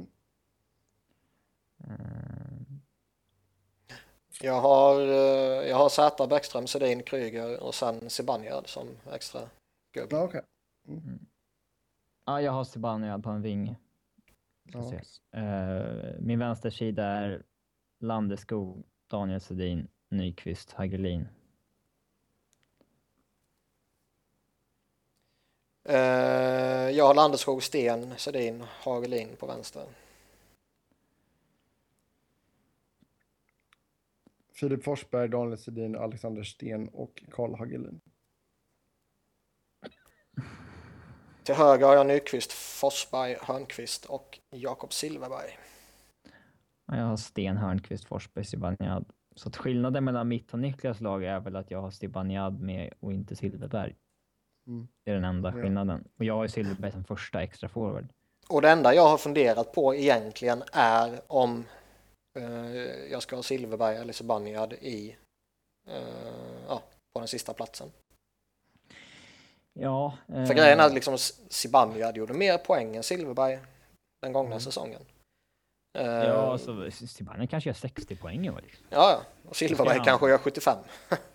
Ja, ja. Det tror ju inte jag givetvis, men liksom Både Han- Elias Lindholm och Mikael Zibanejad har ju liksom explosionspotential i det här året. Liksom. Oh ja. Och jag hade varit redo att offra en, liksom en Kryger då ifall man vill ha fyra topp 6-centra. Liksom. Ja, Elias Lindholm kan mycket väl vara given om ett år. Mm. Eh, De anmärkningsvärda som, som jag har plockat bort är väl ja, Elias Lindholm då och sen typ Louis Eriksson, Carl Söderberg, Mojo, Berglund, Backlund. Vad finns det mer? Alltså överlag tycker jag inte att laget kan bli jävligt slagkraftigt. Vi är inte skadekänsliga, det kan man ju inte säga. Liksom killar som Berglund och de här är inte ens nära en plats. Nej. Nej, men alltså sen, jag menar backsidan är ju elit. Ja, fan där... Ja, den, den, är ju, den mäter sig med vem som helst. ju. där Där klarar vi ju en skada på Hedman. ju. Ja, minst en toppskada. Ja. Eh, Och e- egentligen klarar man väl skador överallt förutom på Henrik Lundqvist. Ja, jag tänkte säga det. Det är väl Lund Lundqvist där då som... I och med att han är så pass mycket bättre än de andra svenska Ja. målvakterna. Det är ju där det är eh, känsligt. Annars Mm. liksom, säg att Zätas rygg lägger av så givetvis är det ett jättejobbigt tapp. Men det finns spelare som kan ersätta. Mm. Eh, säg att Hedman eller Erik Karlsson försvinner. Ja, jättejobbigt givetvis, men det finns spelare som kan ersätta. Mm. Eh, så jag är inte så värst orolig eh, sett till spelarna. Det som jag är orolig över är ju eventuell laguttagning. Men jag är ju mycket mer trygg eh, med Grönborg än om jag skulle vara med Pelle Mårts. Ja, och vem var det som Ja, ja, var... herregud. Ja. Ga, ga, alltså. Jag vet att det inte Niklas är jättehet på Garpen heller, men han är ju inte heller dum när det gäller vilka forwards som är skickliga och inte. Eh, Nej, det kan jag hålla med om. det jag kanske oroar mig för det är väl att Peter Popovic är lite old school kanske. Vill ha med Jonte Eriksson eller någonting. Liksom. Mm. Men plocka med Staffan Kronwall. Ja. Staffan och Niklas är ett vaktpar. Ja. Boye och Eriksson. Sen är det ju några sådana spelare som i dagsläget liksom är svårt att placera in lite. Eh, Vi var Hade inne någon, på... med, hade någon med Louis Eriksson förresten? Nej. Ja, jag hann med honom. Ja, som- jag hade med honom. Forward. Eh, han är 14 forward hos mig. Men det kan ju ja, mycket nej, jag, jag hade Louis som höger ytter i min fjärde kedja. Det, ja. Jag har hört när vissa snackar om de här lagen så um, många ser det som givet att han ska gå in med Sedinarna. Liksom. Jag har satt honom Det med funkade Kryger, skitdåligt i OS. Kryger och Hagelin. ja, ja. Jag förstår inte varför det här med Sedinarna skulle, att han skulle ha någon superkemi med dem. Att det, Det är, det är ju bara en enkel och lat grej att säga för att de har spelat tillsammans tidigare. Ja, Men det funkade väl i VM mot pisslagen? Ja. Vad fan. Är att som jag ser det så är ju topp 9 tokgivet. Sen hur man formerar topp 9 Ja. är väl en annan grej. Men liksom Landeskog, Zäta, Nyqvist, Forsberg, Bäckström, Sten, Hörnqvist och sen Sedin gånger två. Ja. Det är ju rätt givet att de ska vara där, tycker jag. Mm. Om nu inte Jakob Silverberg blir en 40-målsskytt helt plötsligt eller om eh, Zibanejad går in och gör 70 poäng liksom. Eh, men annars tycker jag det är rätt givet och sen hur man, om man vill ha Landeskog med Z eller med Bäckström eller ja, och så vidare. Det är ju upp till var och en såklart men de nio ser jag som självskrivna i topp 9. Jag blir inte jätteförvånad om Franzén kommer med om han, gör, om han liksom är fit. Eh, fortfarande. Lite som när Fredrik Modin kom med till OS 2010. Att han liksom, Nej men det kan jag hålla med om också. eh, Sen är det ju som jag försökte börja på för en stund sedan jag inte kom till ordet med. Men det finns ju ett gäng spelare som är jävligt svåra att förhålla sig till idag som man inte riktigt vet, okej kommer de ta det där klivet eller inte? Alltså Elias Lindholm som var inne på, André Burakovsky, han kan ju, om ett år kan han vara tokgiven i en fjärde kedja till exempel. Eh, Adam Larsson, vad händer med honom? ja, alltså vi kan ju ha en... Alltså Klebom, Larsson, eh, någon av dem, alltså... Ja, alltså det finns ju en jättestor möjlighet till stor utveckling på flera av de här spelarna. Oh, ja. Alltså Mattias Janback har börjat med point per game i tre matcher i Dallas. Liksom. Det hur långt bär det? Mm. Eh, en William jätte- Nylander kanske får spela framför hemmapubliken. Ja, alltså han, han kanske går in i NHL om 20 matcher och han 50 poäng resten av säsongen. Liksom. Mm. Det, När är det bruttotruppen ska tas ut? Är det i december? Vet ej. ja, jag vet inte. Vi får kolla på den när, vi, när det närmar sig. Jag tror Vill Tobias Enström vara med nu förresten? Toby! Ja, Toby, sorry.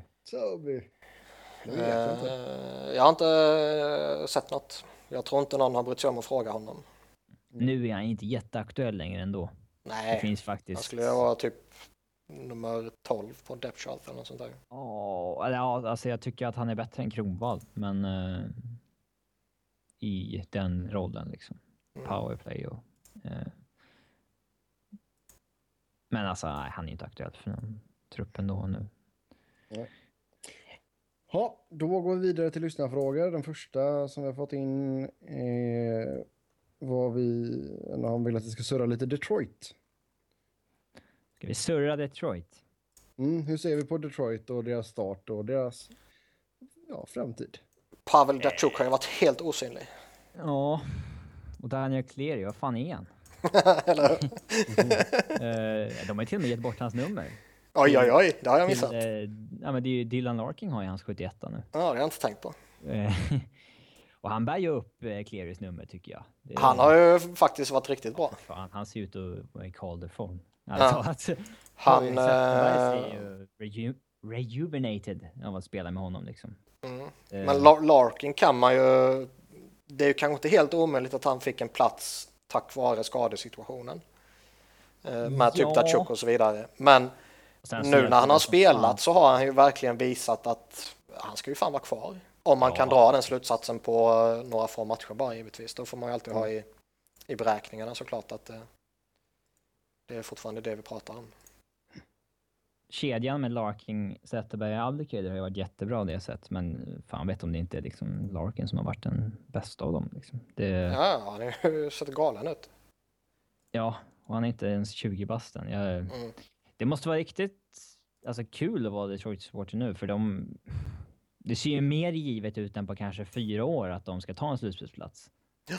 Eh, kanske för att konkurrensen är lite sämre och, och så vidare, men... Eh, eh, Fast nu kan man ju på riktigt säga att de kommer ta en slutspelsplats för att de är bra. ja, men de har ju klarat... Inte för att de har, andra är dåliga.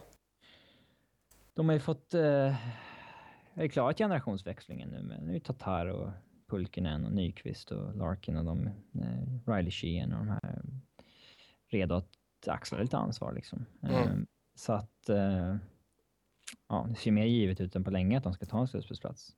Och Merasik utmanar ju Howard rejält om första spaden. Eh, men framförallt att ha alltså en tonåring från Michigan liksom som Dylan Larkin måste ju vara otroligt roligt för dem som Alltså, det kan ju... Visst, man ska inte gnälla på det som har fungerat, men det kan inte vara kul att, liksom, att tvingas vänta på att deras första rundsval ska liksom, komma upp när de är 23-24 år. Ja, det- Eh, att en kille som... Ja, och det känns... Alltså, det är väl ingen som saknar Babcock hittills. Det... Det här... Nej, alltså Bab Babcock är ju jättebra givetvis, men det kändes väl också rätt logiskt att eh, separera.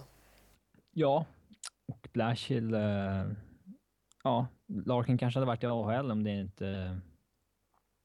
eh, ja, om Babcock hade varit kvar. Han kanske hade varit, nej men jag är hellre min 71 som 13 forward. Ja, Nej men det hade ju inte varit omöjligt. han hamnar snart i Toronto. Ja. Eh. Jag har ingen åsikt om hur Mike Green har fungerat. Jag har inte, jag har inte noterat honom knappt när jag sett matcherna. Men, eh, mm. Mm. Nej, men de ser bättre ut än på länge. Eh, Och de har ju sparkapital i och med att Datsuk inte har spelat.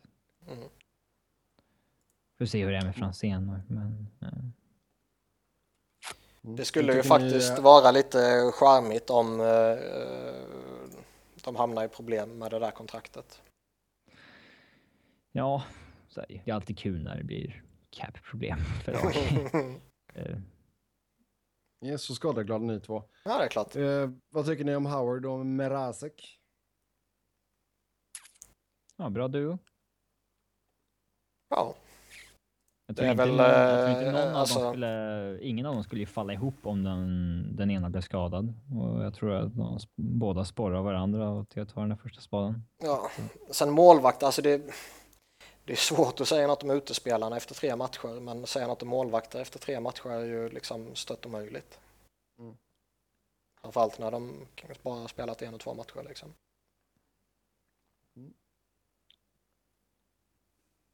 Ja, något annat vi vill tillägga om Detroit? Ja, Niklas stör sig på att de har C på höger bröst. Ja, just det. Mm. Men det, det är ju inte nytt för denna säsongen i och för sig. Nej. Men eh, De ska alltid vara lite speciella Ja. i Motown. det, det ser inte på riktigt ut. Man ska ha det över hjärtat och visa att man har liksom heart. Ja, och grit.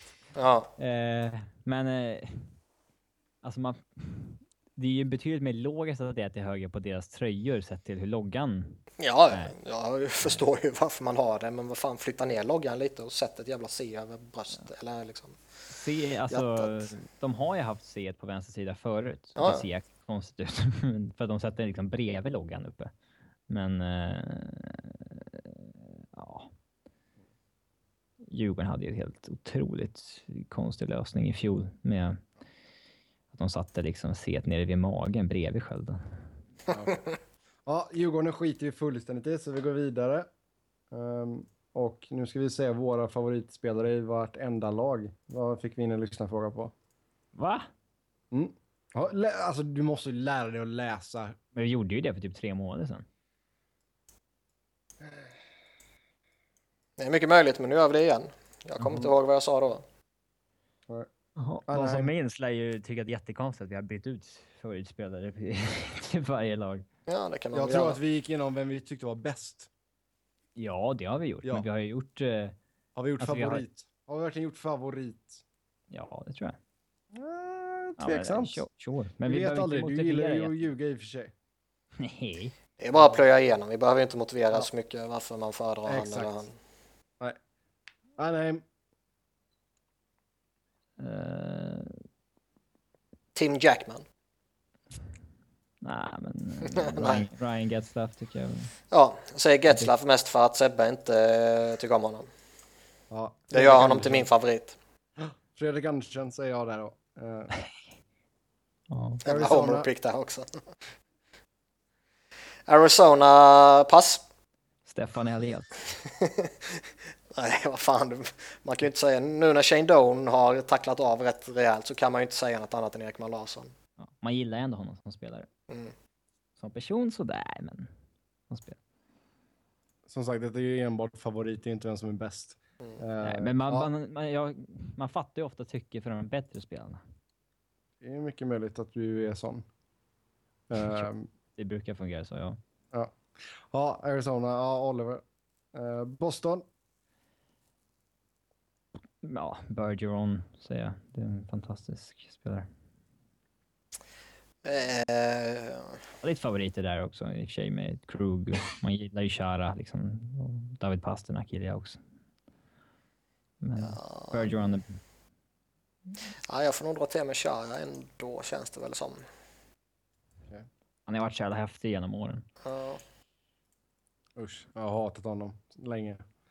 Eh, Jo, det har jag med gjort ju, men det är liksom ändå en hatkärlek liksom. ja, ja, när han var i Färjestad där. Usch, usch, usch. Ja, det Ja, skiter jag i i och för sig. Tio matcher. Nej, han var ju där mer än tio matcher. Så nu ljuger du igen. Nej, vänta.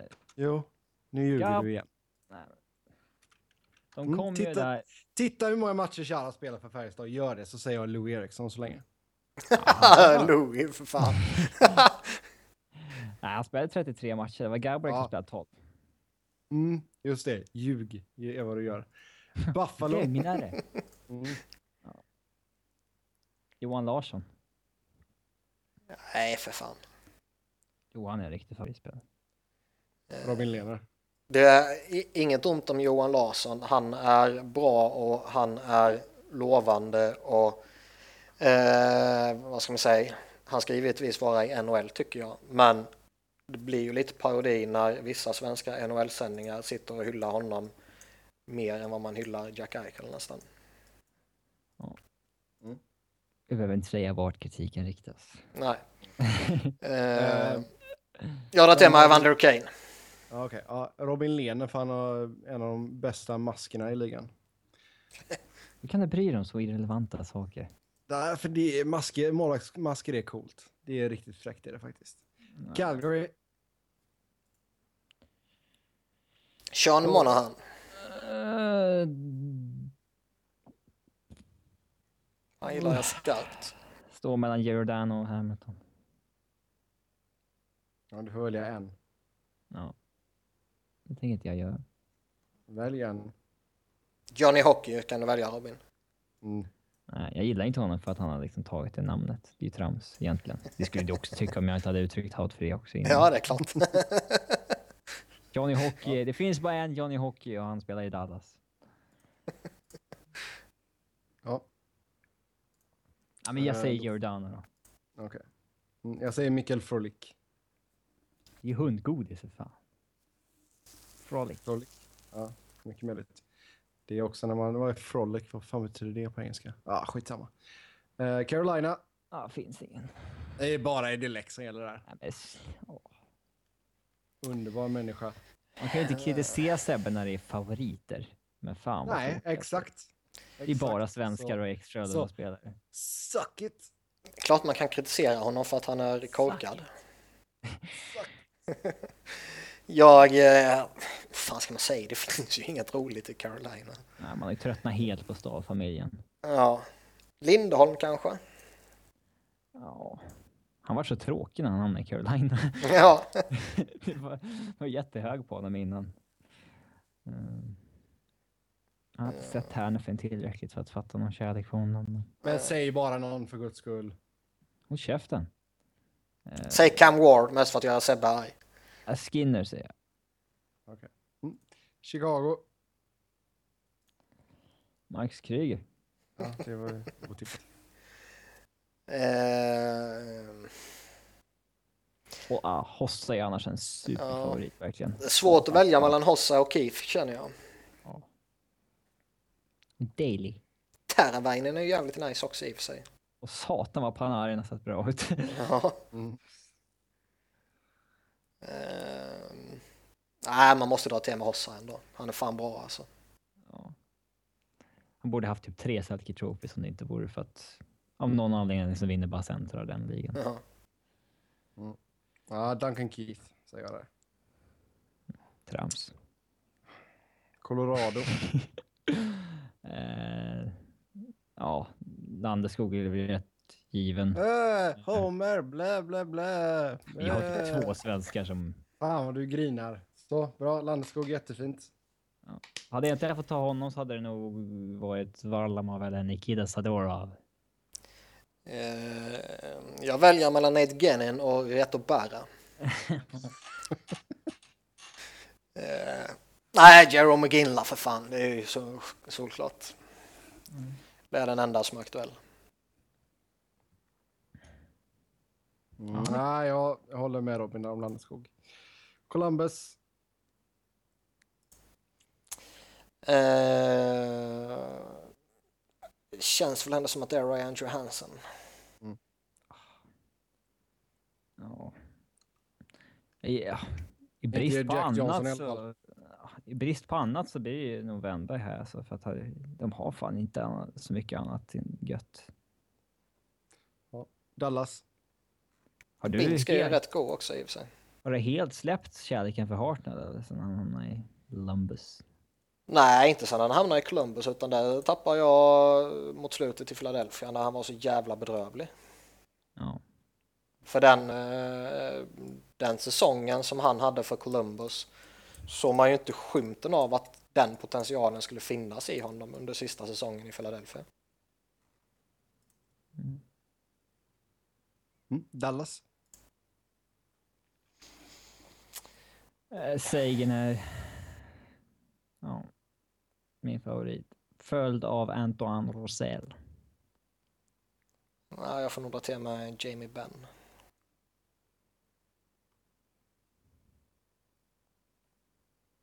Du då Sebastian? Mm. Ja, Sagan gillar man ju självklart. Även fast han verkar vara lite små... Uh... Ja, nej. Sagan är för jävla rolig att titta på. Hur kan du inte säga Janmark?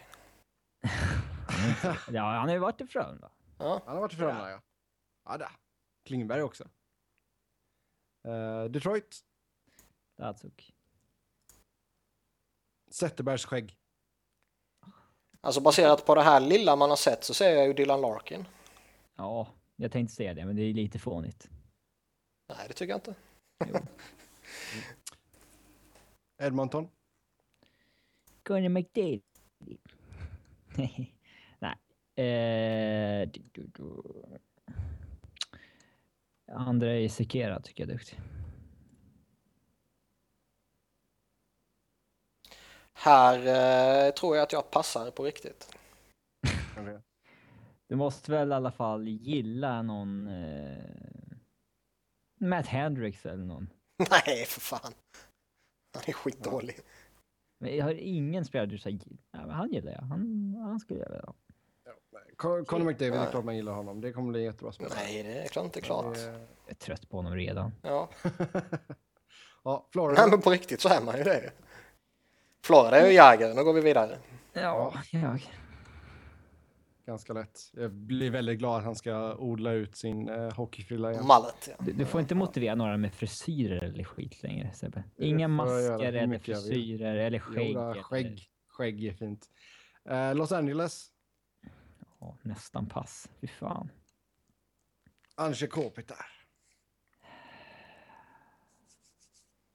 Alltså man drar väl ändå till med Drew Dowdy känns det som. Ja. När han vill är han den bästa backen i ligan. Ja, men, Ja. be- ja. Ja, nej. Kopitar, sympatisk människa. Annars är det så mycket skräp i det jävla laget. Fy fan. Bra hund, cool hund. Minnesota. Cool hund. Udda inte sett motiveringar Sebbe alltså. kommer med när vi sa att vi inte skulle ha motiveringar. Han har e- e- eget Twitterkonto också. ja, herregud. Ja, det är ju tramsigt. Det är som att ha en parsida på Facebook typ. Ja. Vad är det? Ja, när man har en gemensam Facebook. Eh, när man Det har jag faktiskt aldrig sett. Ja, det är, Ja. det, ja. Jag har lärt mig något nytt idag. Mm. ja, det är bra. Kan jag sätta upp en parsida för Rooney och Figgis? Ja. Jag kommer inte följa dem. Eh, favoriter i eh, Minnesota? Ja. Mm. Granlund. När han, när han är gillar bra så är han jävligt rolig att se. Jag gillade ju Niederreiter, men han satte ju avgörande Game 7 i OT mot Avs där. Nej, sant, han har jag alltid gillat. Eh, Charlie Coyle tycker jag är, är en favorit. Nej, men Niklas där Granlund. Absolut. Montreal. Montreal, ja men... Det finns ju bara en back som är mer underhållande att se på. Eller ja, det kanske till och med är den mest underhållande backen att se på i ligan nu och det är ju P.K. Subban. Mm. Nu gillar man honom mycket mer som människa också än vad man gjorde för fem, år sedan. Liksom. Eh, ja, jag har snurrat in lite på Max Pacioretty. Ja, han är också häftig. Ja. Som mjuka handleder i den stora kroppen. ja. Gallagher är lite skön också. Ja, han är häftig. Cassian också om han räknas. Nej. Semin är kul också. Han får inte många rosor, men jag gillar honom. Så som Mårts sa om Mattias Sjögren när alla hade hyllat honom hela turneringen. Han får inte många rosor, men jag måste credda honom. Mhm. Ja. P.K. Subban där då. Eh, Nashville. Roman Josi. Man kan väl inte säga någon annan än Shea Weber. Trams. Lillfoppa. Alltså trams till, Seb, eller till Niklas den här gången och inte Seb. Mm. Ja, jag säger Lillfoppa. Eh, vi går vidare till New Jersey. Vad har vi för roligt där? Inte ett skit. Corey Schneider. Gillar deras backsida då. Jag, eh, ja, men jag har inte fallit för någon av dem. Det finns mycket potential. Det, ja, det är inte så att en Elias har någon form av legendstatus hos en direkt heller. nej, nej. Sen kan man respektera honom givetvis. Han har ju haft en bra Ja, karriär. nej. Jag var inte heller. Eh, Jag sa att man kan, jag sa inte att jag gjorde det. Uh, Jakob Josefsson är inte någon jättefavorit hos mig sådär. Uh, nej, men... Nej, får fan passa på den här. Jag, jag gillar Tutu förresten. The Tutu trade. Ja. Jag, eh, Speciellt nu när han har bytt till nummer 22. En sån här Ja. Sebbe-anledning. ja det är sant. Det, det är faktiskt en Sebbe-anledning som är respektabel. Jag drar till med Tutu också. Ja, jag säger Corey Schneider. Mest för att jag tycker väldigt synd om honom. För att han är ginger eller? Han har, han har många grejer som går emot honom, tyvärr. Men det är en bra målvakt. Uh, New York Islanders. Går, eh, John Tavares. Det går inte att inte gilla den pojken. Jo, Ja, min favorit heter väl... Berube. räknas riktig Pietro fortfarande? Nej, men han är ju på den listan. var väl Yashin med i fjol. Ja. Eh, Men eh, det är förfjol kanske var. Ja, Frans drar jag till med. Han har jag alltid gillat. Lite i skymundan sådär. Ja, men jag har alltid gillat honom. Ja, det är väl en favorit på det. Casey Cecikas gillar jag också. Han är duktig. Nej, Jo. Ja. eh, New York Rangers. finns ingen. Det är Henke.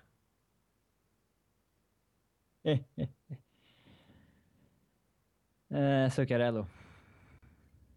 McDonald tycker jag är jävligt ball också. Men, ja, Zuccarello. Ja. Ottawa. Eh, en, en, de- en del av mig vill ju säga Erik Karlsson, en del av mig vill ju inte alls säga Erik Karlsson. Vad säger Sebbe nu när han inte har sitt flow längre? Erik, Karl Erik Karlsson, trots att han klippte av sig håret. Vad ska han nu motivera med? Ja, kan det varit för att han har spelat för Frölunda? Mm. Ja. Det... Nej, jag, jag, jag tror jag kommer... ja. Jag tror Han jag spelar kommer... också med snus inne, det kan jag respektera. Jävla trams. Snusare ser jag ner på. Vad att spela och röka samtidigt. Nej, jag, jag, av principer så vägrar jag säga Erik Karlsson och eh, säger Mark Stone för jag gillade han mot, eh, ja, när de gjorde sin eh, comeback. Jag gillar Jean-Gabriel Pachot också. På grund av... För att han kommer från Ottawa. Det är så jäkla få local pojkar i NHL liksom, med tanke på draftsystemet. Det var coolt när han fick gå in i slutspelet och göra ett hattrick eller vad det var. Det var det i slutspelet han gjorde det. Men skitsamma. Kommer, he kommer helt ärligt inte ihåg. Philadelphia Flyers. Det finns ju bara Claude. Nej. Wayne, Wayne Simmons. Ja, han är ju cool. Han och Voracek och eh, Couturier såklart är ju alla eh, bra val, men eh, Claude är ju given. För att han klappar poliser på rumpan. Ja, Radko Gudas säger då, följd av Max Strite. Pittsburgh. finns ingen. Kessel, ska jag säga. Niklas Mm, ja. hälsar att det är Hörnqvist för övrigt. Ja? Vad sa du? Niklas hälsar att det är Hörnqvist. Ja, Kessel är bra där. Ja, nej, Han ingen. Alltså de kort, de kör ju såna här röda mattan-grejer nu och Kessel såg så obekväm ut på ett kort som jag såg. Ser inte han Eh. obekväm ut på alla kort? Ja, han är kanske inte är så jättebra på att ta kort faktiskt. Uh, kommer ihåg den eh, inför OS när de skulle visa upp tröjorna där. Jäkla snyggt kort på honom alltså. Det är fint. Ja, San Jose Sharks. Jumbo Joe. Eh, eh, lite svårt faktiskt. Det finns ju några... Raffi Torres är bra. Ja, det ja, det svårt. Mike Man, Brown nätar ju häromdagen. Brent Burns alla dagar i veckan. Ja, jag snurrar ju lite mellan Burns och Pavelski och Jumbo Joe. Men jag tror jag drar till med Joe Thornton ändå mest för att... Han får för lite cred. Ja, det är jävligt Fan, okaraktäristiskt en- för att vara mig, men ja, nej, det är anledningen till Jumbo Han är Joe. fortfarande en topp 10 center i ligan. St. Louis. Åh, Tarasenko. Ja, Tarasenko. ja. Star power. Det var snabbt. Tampa Bay.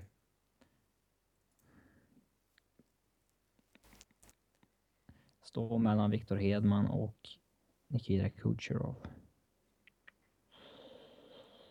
Säger nu Kucherov.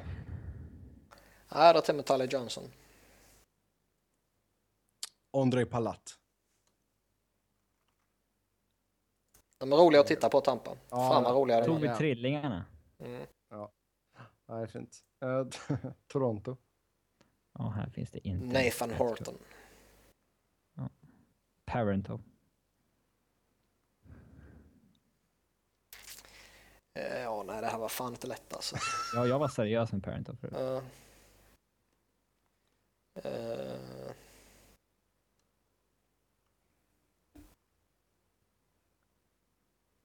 Alltså vissa andra lag, typ Rangers och Pittsburgh, det, det är liksom...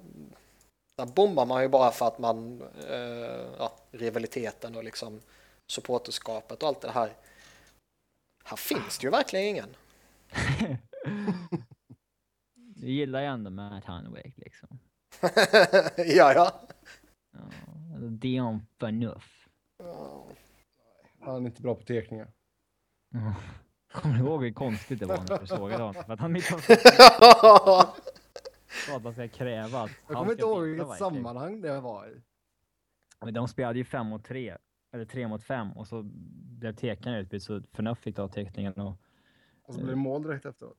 ja, han torskade teckningen och han gör väl mål tio sekunder senare. Mhm. Som, som att man, alltså backar, de ska minst vinna alla teckningar. Liksom. som att det skulle liksom, hade den vanliga centern torskat teckningen så hade ju ingen tänkt på det. Som att Ja, men jag, tror, jag tror jag slog in det som någon sån där extra grej bara. Eh, men ja, skitsamma. Uh, ja, nej. Fenuf är inte min favorit i Toronto. Fan, måste jag ta någon så, ja, Mark Arcobello typ. Ja, jag kan verkligen Han inte säga någon Han här. är rolig att kolla på. Gillar inte JVR heller. Nej, fucking pigeon. Eh, Martin Marinsen gillar jag. Och Hanwick. Vancouver. Här är fan också svårt. Och du får alltså Sedinarna är inte en person här, så man får inte säga de två tillsammans. Är de inte en person? Nej. Om Daniel blockar ett skott så känner Henrik det också. Ja. Ja, exakt. Eh, Jag gillade ju alltid Dan Hamoui fram till han eh, nobbade Flyers. Ja, just det. Och Pittsburgh. Ja, där gillade jag han lite mer efter det. Ja, jag säger Jake Virtanen. Eller Virtanen. Den var otippad. Eh, Han har gjort en match nu va? Mm. Chris Tanev gillar jag. Ja, Brandon Prust är rätt rolig i och för sig. Tråkigt jävla lag Vancouver. Ja, otroligt. Ja, eh, Washington då. Alexander the Great. Finns ingen häftigare hockeyspelare att titta på. Ja, han är helt okej. Eh, om man tittar på Washington så håller jag med dig. Och sist men inte minst Winnipeg. Andrew Ladd har jag alltid gillat. Ah, fan, Jacob Truba. Fick ju Sebbe aldrig säga Bäckström på Washington. Nej, just det. Den, eh, vi får snart dra upp den eh, diskussionen igen. Så får ni slå loss liksom. Mm. Eh, Truba. Truba. ja, Truba är en favorit. Jag är inte riktigt lika hög på Ladd och Wheeler som andra är. Ja, där fick ni våran eh, lista över alla våra favoritspelare i alla lagen. Ni får gärna skriva ner era i kommentarsfältet. Eh, med det så rundar vi av veckans avsnitt. Som vanligt så kan ni köta hockey med oss via Twitter. Mig hittar ni på @sebnoren. Niklas hittar ni på Niklas Wiberg, Niklas med C och enkel V. Och Robin hittar ni på R underscore Fredriksson. Ni kan också använda hashtaggen Robin the Liar. Så eh, tills nästa gång, ha det gött, hej! Peace.